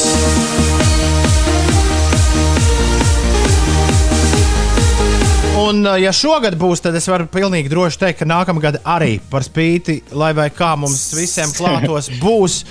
Un uh, droši vien tāds slavens joks, ko tev katru gadu ļaudis saka. Nu tad nākamā gada gan, vai ne? Nākamā gada gan. Tad jau redzēs, tad jau redzēs. Sorry, so, sorry, sorry. Klau, uh, šajā, šajā visā Eirovīzijas piedzīvojumā, uh, pašam arī vērojot Eirovīzijas dziesmu konkursu, vai tu esi sapratis, kādai ir jābūt perfektai Eirovīzijas dziesmai, vai arī tu joprojām esi meklējumos? Nu, nav jau tāds formulas, bet, uh, bet tas, ko es šeit Amerikā esmu piefiksējis, ka, ka Eirovīzija tomēr ir liela platforma, lai arī cilvēki mēdz tur mm, spekulēt ar visādiem stereotipiem, vispārējo. Bet, kas ir ļoti interesanti, tas uh, cilvēks, kas ir Dunkans, uh, Lorence vai kā viņš Mhm. sauc, neatceros precīzi. Viņa dziesma šeit Amerikā ir vienkārši skan tagad uz katra stūra. Nu, bet kā tas jau notiek? nu, vi- Viņa, viņa dziesmai paveicās tur ar TikTok algoritmiem, par kuriem Jā, bet vienalga, mēs vienalga, daudz runājam. Bet, jā, nē, nē, Jā. kas, ir, kas ir būtiskākais dziesma, kas uzvar Eirovīzijā? Skaidra lieta, mūsdienu globālajā pasaulē ir visos straumēšanas topos parādās pasaules izskatā, un Tieši cilvē, tā. cilvēki to ierauga. Tā, Tieši tā, tādēļ tā, tā, tā ir tāda ļoti laba motivācija mūziķiem rakstīt labas dziesmas, taisīt uh, foršus konceptus, šovus un vispārējo, un aizbraukt. Un tieši tādēļ es uh, domāju, ka arī samat vienā. Kur vieta dabūs? Viņš jau ir izdarījis lielu darbu. Viņa ir uztaisījusi tādu dziesmu, kuru viņa, kuru viņa dziedās pēc tam savos koncertos. Viņa nav pielāgojusies uh, kaut kādā veidā tam, lai izpatiktu cilvēkiem. Viņa ir aizgājusi ar tīru sirdi, tāda kāda viņa ir, un es viņai tur, turēšu visus tīkšus. Nevis viņai, bet savus īkšķus, protams. Tu noteikti esi, tu noteikti esi sapņojis, un skaidra lieta, ka tu esi sapņojis par to savu lielo iznācienu lielajā Eirovīzijas dzies- dziesmu konkursā. Uh, The King of the Klausies, uh, klausies uh, tad, kad, tad iedomājies sevi uz tās, tās milzīgās skatuves, kā tu vēlētos, lai tas tavs priekšnesums izskatās? Cik cilvēks tu ņemtu līdzi? Kā tev liekas? Kā, vai tev būtu kāds ņemtu balans? līdzi, protams, visas sešas. Es, es ņemtu līdzi visas pārējās piecas cilvēkus, kur var atrasties uz skatuves, protams. Aha. Bet, bet uh, tas ir atkarīgs no koncepta, bet es esmu par to daudz domājis. Un vienmēr, kad es, kad es rakstu dziesmu, gan es gatavojos uh, kaut vai nacionālajai atlasē, es par to domāju, kā tas varētu izskatīties uh, jau uz, lielā, uz lielās skatuves, arī tām iespējām, kuras piedāvā tā skatuve. Tērps ir jāpielāgo dziesmai, vai ne? I don't know. es ne, tas ir. Tas ir sīkums. Galvenais, lai ir dziesma, galvenais, lai ir dziesma, un lai tā dziesma paliek atmiņā, un, un lai cilvēkiem, lai cilvēks uzrunā tā dziesma. Klaus, šogad, Pārējais ir nianses. Klaus, šogad mums jautrs uh, pasākums rādās. Pirmās trīs dziesmas, kurām šobrīd prognozē vislabākos panākumus, visas tiek dziedātas franču valodā. Tieši tāpēc arī mm. loģisks jautājums, vai Eirovīzijā vienmēr jādzied ir angliski, vai tomēr var kaut kādas atkāpes taisīt. Var taisīt atkāpes. Man liekas, arī Ukrainai. Ukraina, Ukraina šogad dzied arī ukrainisku, un arī viņiem uh, sola diezgan labs panākums. Protams, uh, valodai nav tā simtprocentīgi tas, ka jābūt ir angliski, bet man liekas, ka, man liekas, ka vairāk var uzrunāt dziedot angliski tomēr. Un pats svarīgākais, ko tu teiksi tad, kad reiz tu būsi uz Eirovīzijas lielās skatuves, ko tu teiksi, kad Eirovīzijas dziesma būs nodziedāta? Nekas nav, nekas nav neiespējams. Viss ir, O! viss ir iespējams. Skaidra lieta. Tieši tas tev būs, tas tev būs jāsaka. Super. Mēs vēl diennakti ļaujam visiem mūsu klausītājiem un vienkārši visiem cilvēkiem Latvijā izvēlēties savas visu laiku vismīļākās Eirovīzijas dziesmas. Vairāk kā 15 Eiropas radiostacijas ā, organizē tādu kopīgu šogad par godu Eirovīzijas oh. 65 gadēju kopīgu visu laiku labāko Eirovīzijas dziesmu topu. Latvijas rezultātus Magnus Seriņš spēlēs visu nākamo nedēļu. Es pievērsīšos Eirovīzijai, tā teikt, full time. Nākamā nedēļa pārvākšos uz Latvijas televīziju, uz Zaķu salu. Bet, uh, bet uh, Markus, tev vēl ir iespēja šo topu tagad nedaudz tā rezultātus mainīt un visiem ieteikt vēl kādu savu favorītu no šiem, uh, vis, šiem visiem gabaliem, kas ir skanējuši uz Eirovīzijas lielās skatuves. Tev tagad ir jāizvēlas sava visu laiku vismīļākā Eirovīzijas dziesma. Kas tā būs? Un Tas, tas ir ļoti grūti, bet es esmu izdarījis savu izvēli par labu dziesmām, kur tiek, tiešām es ik pa laikam Spotify klausos. Un, jo īpaši, kad es aizēju uz sporta zāli, tas ir viens no maniem tādiem sporta zāles uh, hitiem. Tā ir, uh, es nezinu, man liekas, tā bija Kipra, Elēna Furero ar dziesmu Fuego. Un man liekas, ka tā ir helikopters. Helikopters lido. Un uzreiz tev mikrofonu sāk ietekmēt. O, kā tā? Visādi, visādas bandītas ir. Oh. Bet tā ir jā, Elēna Furero dziesma Fuego, kas, uh, kas, kas man ļoti patīk. Man ļoti patīk uh, viss koncepts, kā viņi to izdarīja. Ļoti, ļoti iespaidīgi. Es biju viņi gandrīz arī uzvarēja. Vai tu ar viņu iepazinies arī? Bija tā, ka uh, es aizbraucu uz Izraelu nākamajā gadā, kad uh, viņi bija kā viesis. Un uh, pastaigājoties uh, pa Telavīvas pludmali, es viņu, pastaigājoties pa Telavīvas pludmali, es viņu satiku. vispār bez make-up un bija ļoti jauks cilvēks. Mēs parunājāmies. Un, un, un tā kā, arī varbūt tas iespaido. Nu, nezinu, nezinu. Bet dziesma ir labi, man patīk. Lai skan-. Lai skan Kipras 2018. gada Eirovīzijas dziesma. Jā. Elēnija Fureira un Fuego pie CLV ēterā. Ar labu nakti, Markus. Paldies, ka pieslēdzies mums un paldies, kā papļāpājām vienmēr forši un tiekamies nākamreiz jau Rīgā. Tiekamies un pieskieties X faktoram. Čau! Čau! You got me pelikāno fly, ajo! Vai kaut kā tā viņi dzied šajā dziesmā. Elēnija Fureira Fuego! Yeah, yeah, yeah. Šņīk, šņāk, šņāk, šņāk, šņāk. Kādu vārdu Uldis minēja šodien Mērķis spēlē Ines? Viņam bija uh, kāds Raimonda Paula dziesmas nosaukums smuks. Čakārnītis. Čakārnītis. Tas tā kā sakārnītis, bet ar čeburtu. Jā. Labi, labi, labi, labi. labi, labi. Es pēkšņi sapratu, ka esmu pazaudējis kaut kur interesantās ziņas, kuras ir klātas. Kaut kur jau tepat bija. Atcerieties! Uldis Viņģēns stāstīja par interesantu profesiju.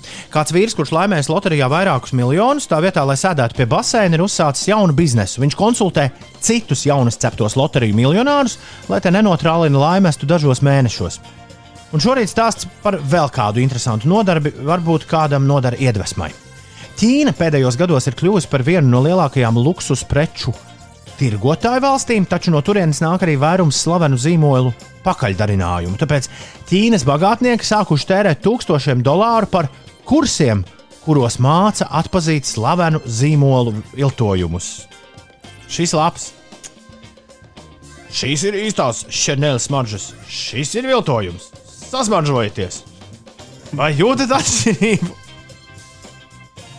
Uzņēmums The Extraordinary Luxuries Business School, kas organizē šos kursus, šķiet labi saprot, kas ir viņu klienti un uh, viņi. Um, Uh, jā, un cik naudas jāprasa par septiņu dienu mācībām, kuros mācās, kā atzīt dažādu ražotāju preču kodus, materiālus, kam pievērst uzmanību, un tā tālāk jāmaksā nedaudz vairāk, virs 2000 eiro.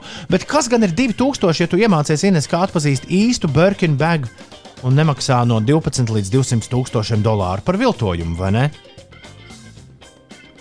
Kam tas ir svarīgi, tad droši vien jā, tas liekas tāds labs ieguldījums. Kam tas ir svarīgi? Tam tas ir svarīgi. Kam tas ir svarīgi? Tam tas ir svarīgi. Ja reiz par interesantām profesijām un naudas pelnīšanas veidiem esam sākuši, tad ar to arī turpinām. Tagad tikai tiem, kuriem jau 18. Ja tev vēl nav, tad mēģini dzirdēt to uzreiz pēc noklausīšanās aizmirst. Ja? Šis ir tā kā 18 plus saturs.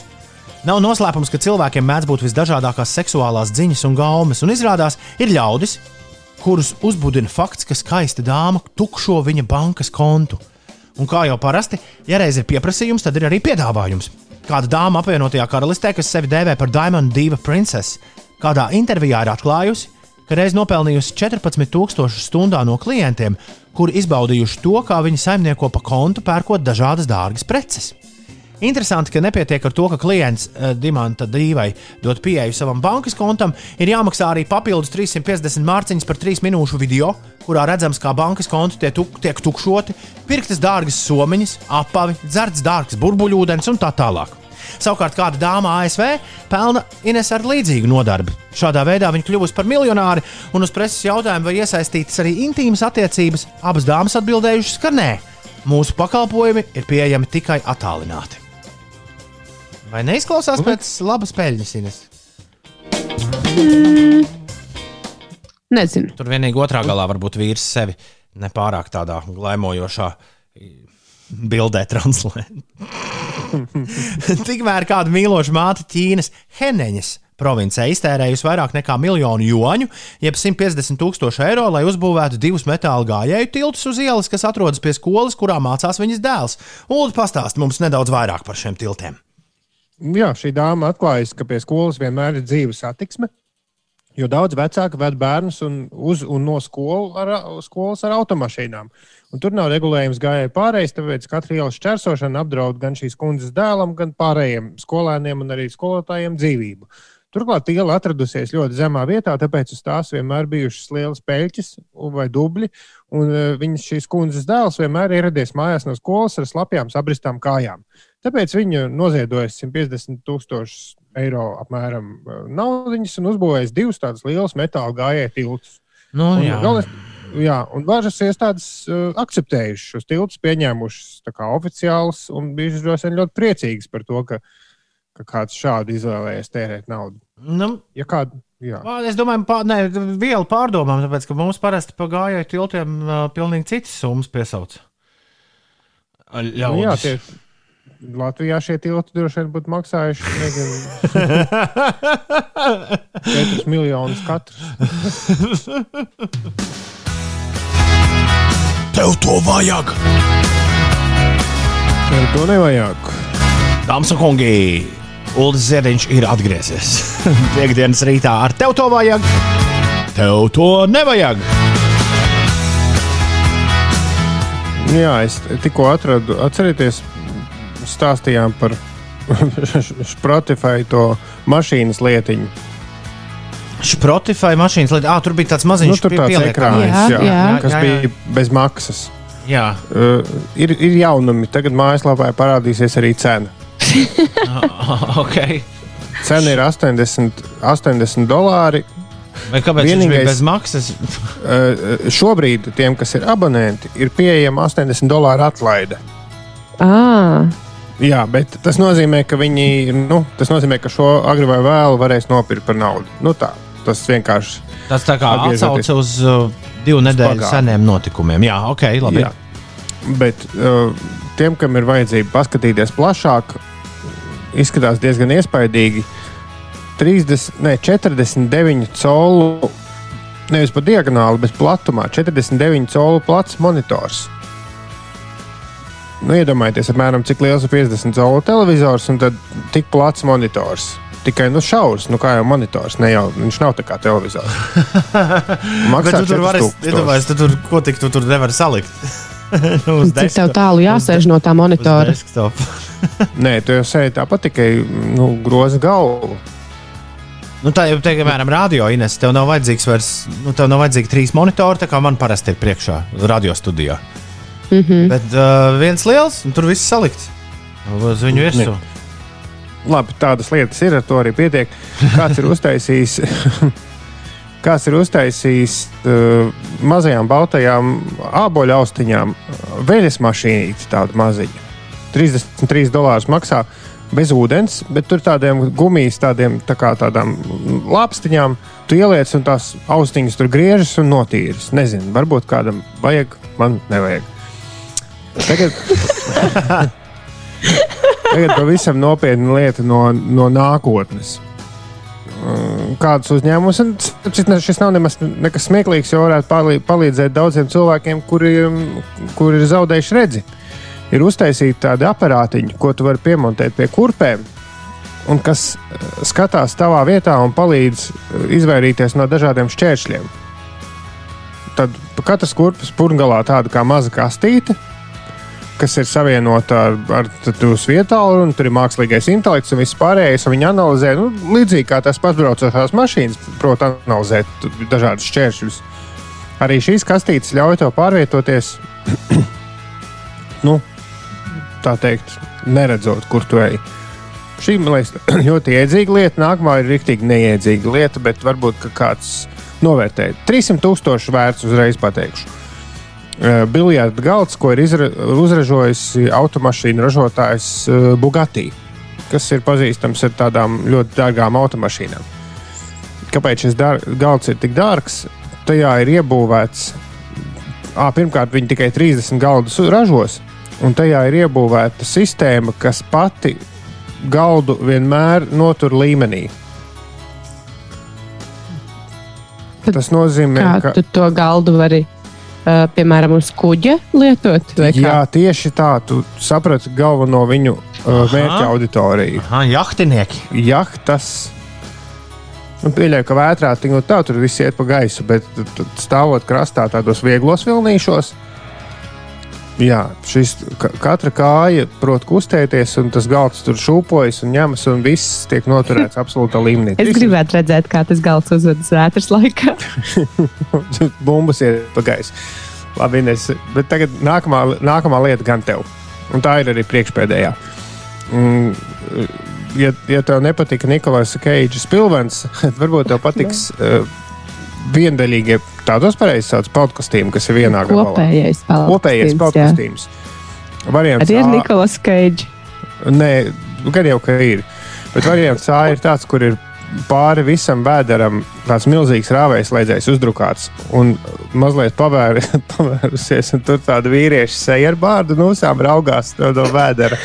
Lieliski, lieliski, lieliski. Šo es, es noteikti ielikšu Twitterī. Un otrs ir podkastījums, kas ir apdrukāts ar nu, spalvainu vīriešu torsu. Ah, Šo es biju redzējis. Vareni.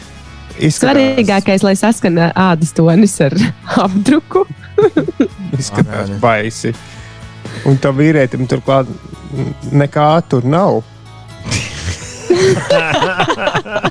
nu, tam uzdrukātajam. Ļoti labi. Tā kā, ļoti tā kā labi. Lēlas bērnībā. Nu, kur, jā. Un, ah, un pats pēdējā lieta, varbūt, ka tom tev garāžas atslēgai noder Pēc kā tu vari pateikt, ka tas ir vīrietis? pēc palām un krūtīm. Es ielikšu Twitterī, jūs sapratīsiet, tā diez vai ir sieviete. Diezgan droši. Klau, piekaramā atslēga, kuru var attaisīt ar Bluetooth. O, Tom, tev tādu vajag. o, šis ir man. Beidzot Baterija der tri- 3000 atslēgšanas reizēm derīga. Labais. Tātad, ja tu teiksim, slēdz vaļā un ciet nu, dienā tur trīs reizes, tad pietiks tūkstošu dienām, jau trīs gadiem ar bateriju. Vareni. Tikai tad kaut kas notiks ar Bluetooth, vai telefons būs izlādējies. Un... Un atkal raidījums būs apdraudēts uz kādu mirklīti. Tā varētu būt. Hei, mūzika beidzās fona. Tas nozīmē, ka mēs esam. Tas nozīmē, ka mums ir jāliek. Twitterī bildes ar spalvainām krūtīm. Uh, E-punkts uz Slipsvītra. Nē, nav nekāds e-punkts uz. Ir uh, Twitter.com Slipsvītra 5 rīta. 5 rakstot ar burtiem. Tur tu vari šo visu apskatīties. Kā alaži tur tiek savietotas labas lietas, par kurām Ulas stāsta šajā rubrikā, kur joprojām smējies vai raudi. Sauc, tev to vajag? Mm. Tev to nevajag. Mm -hmm. Mm -hmm. Nākamā otrdiena, pirmais pusfināls, ceturtdiena, otrais pusfināls, kurā startēs arī Samanta Tīna.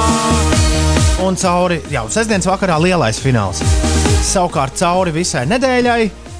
Jūsu uzmanībai Magnus Seriņš ar visu laiku labākajām Eirovīzijas dziesmām. Ulu, tu vēl vari pagūt nobalsot par visu laiku labākajām dziesmām. E-punkts uz Slipsvītra Eirovīzijas tops. Ir tas, kas tev jāvar vaļā. E-punkts uz Slipsvītra Eirovīzijas tops.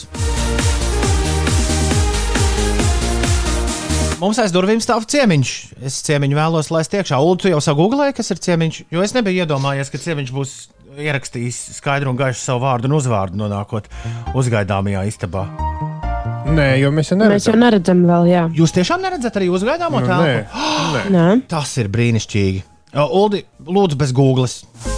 Esi, esi draudzīgs, jo ciemiņš ļoti gribēja, lai jūs uzminat, kurš ir mūsu ciemiņš.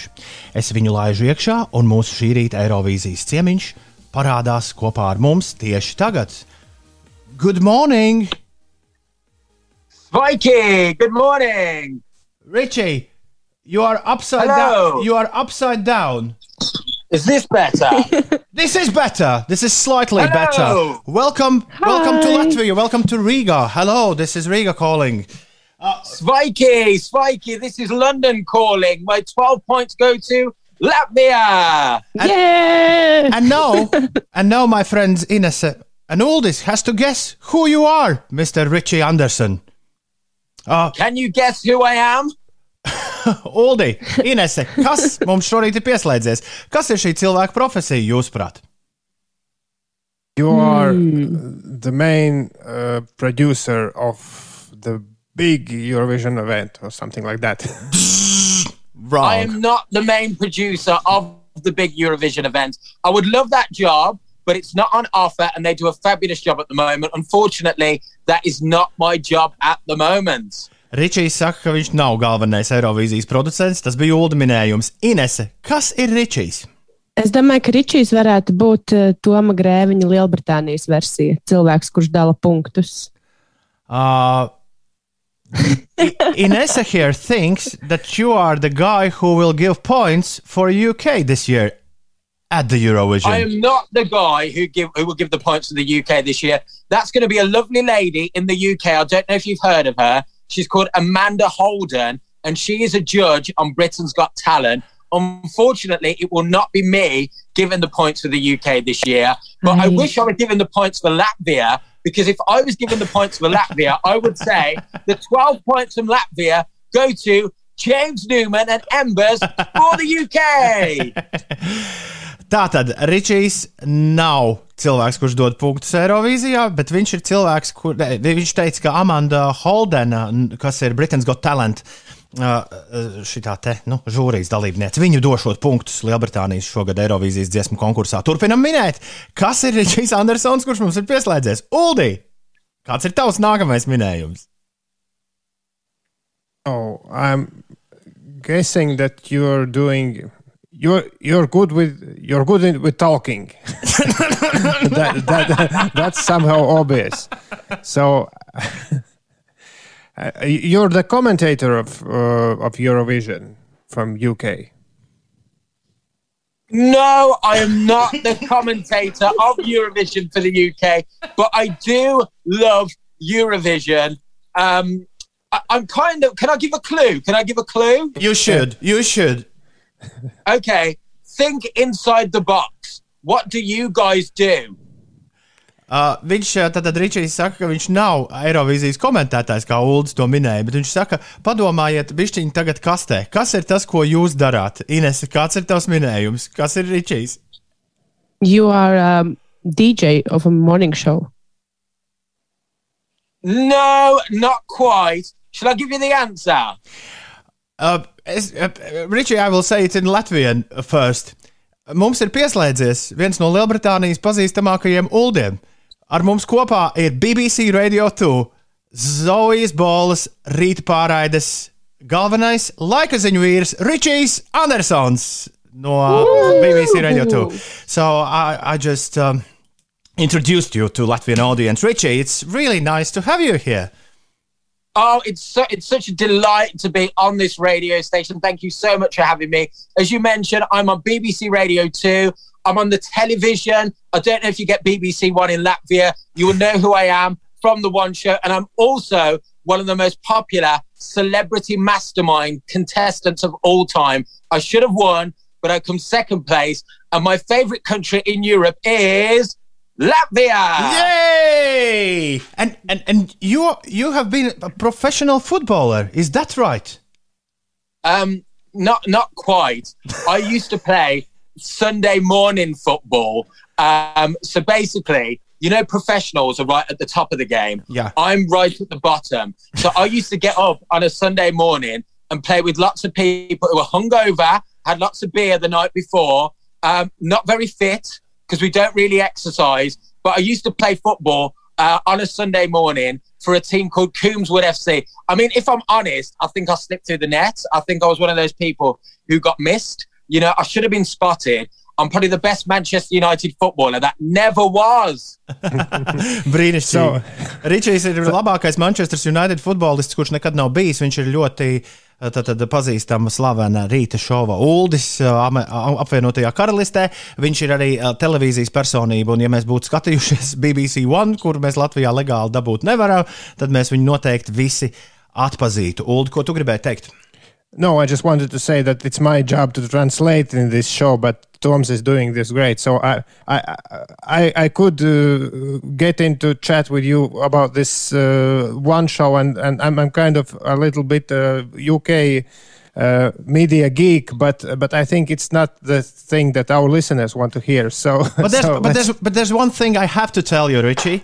When- Yes. When, I got in the radio, when I was quite young, and I was I was really into uh, some foreign radio stations. The Zoe Ball Breakfast Show back in the BBC Radio One was the first breakfast show uh, that I heard from from the UK. So please give a warm. Uh, uh, yeah, warm hugs from me to Zoe. It's it's it's really nice to have you here, and and probably you will feature some some bits from this in the show Uh, as well, well. Zoe's got a message for you as well. Really? Zoe's got a message. Yeah, me and Zoe Ball have a message, and this comes from the heart, and we mean it with lots of love. But we need everybody in Latvia, everybody in Riga who is listening to this right now to vote for James Newman and Embers at the Eurovision Song Contest this year. This is the best song that the UK has sent to Eurovision. We play it all the time on the Zoe Ball Breakfast Show. and we think because you're our favorite radio station in Latvia,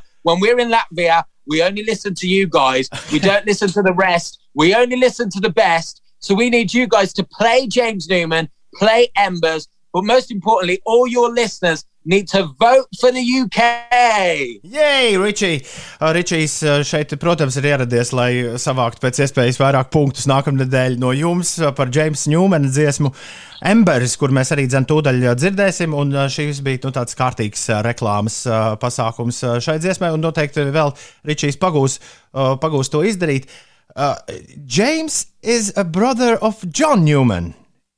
Isn't he? Yes, so James, so you guys know John Newman. John James Newman once is- John Newman once played in our local Glastonbury. Uh, so yeah, we have we have relationship. Let's say let's let's let's let's put it like that.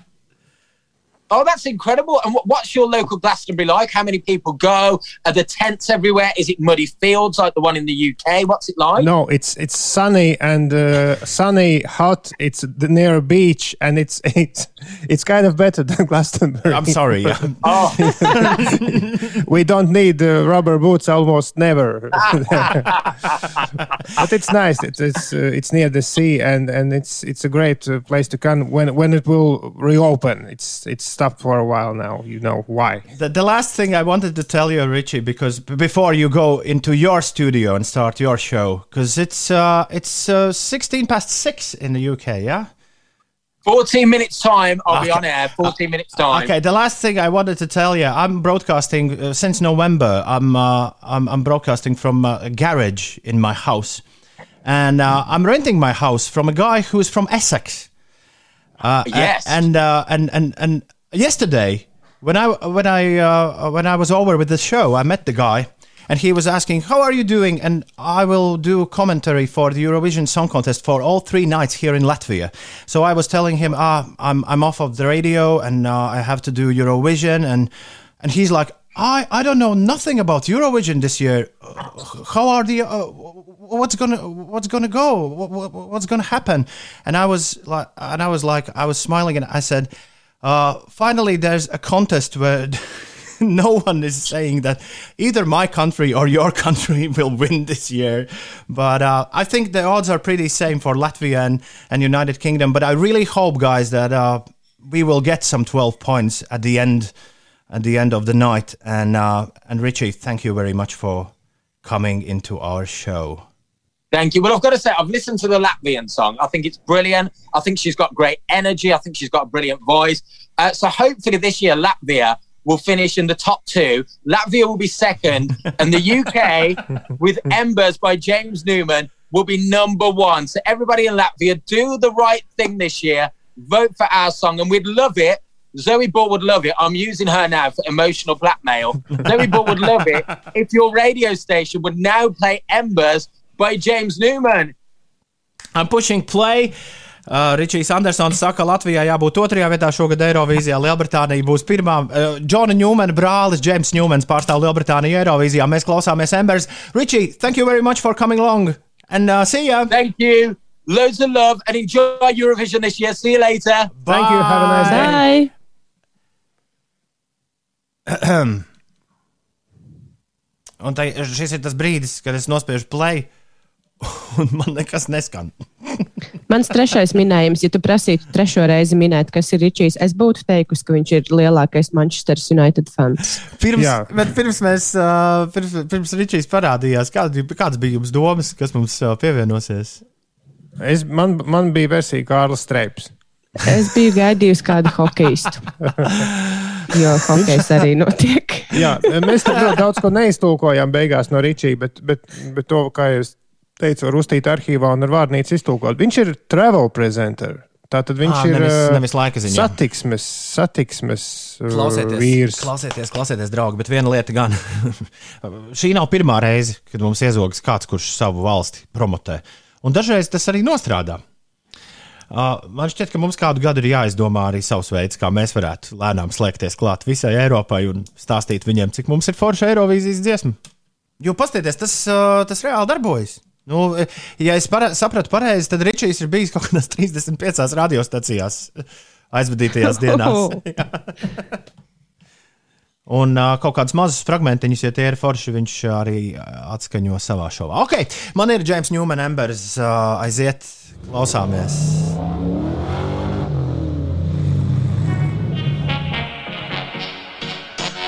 Sometimes I know my fire burns low, but as long as you're with me, I'll never get cold. Day and night, through darkness and light, I never worry when you're by my side. All feelings change and seasons fade, but nothing will burn us out. Nothing can stop us now.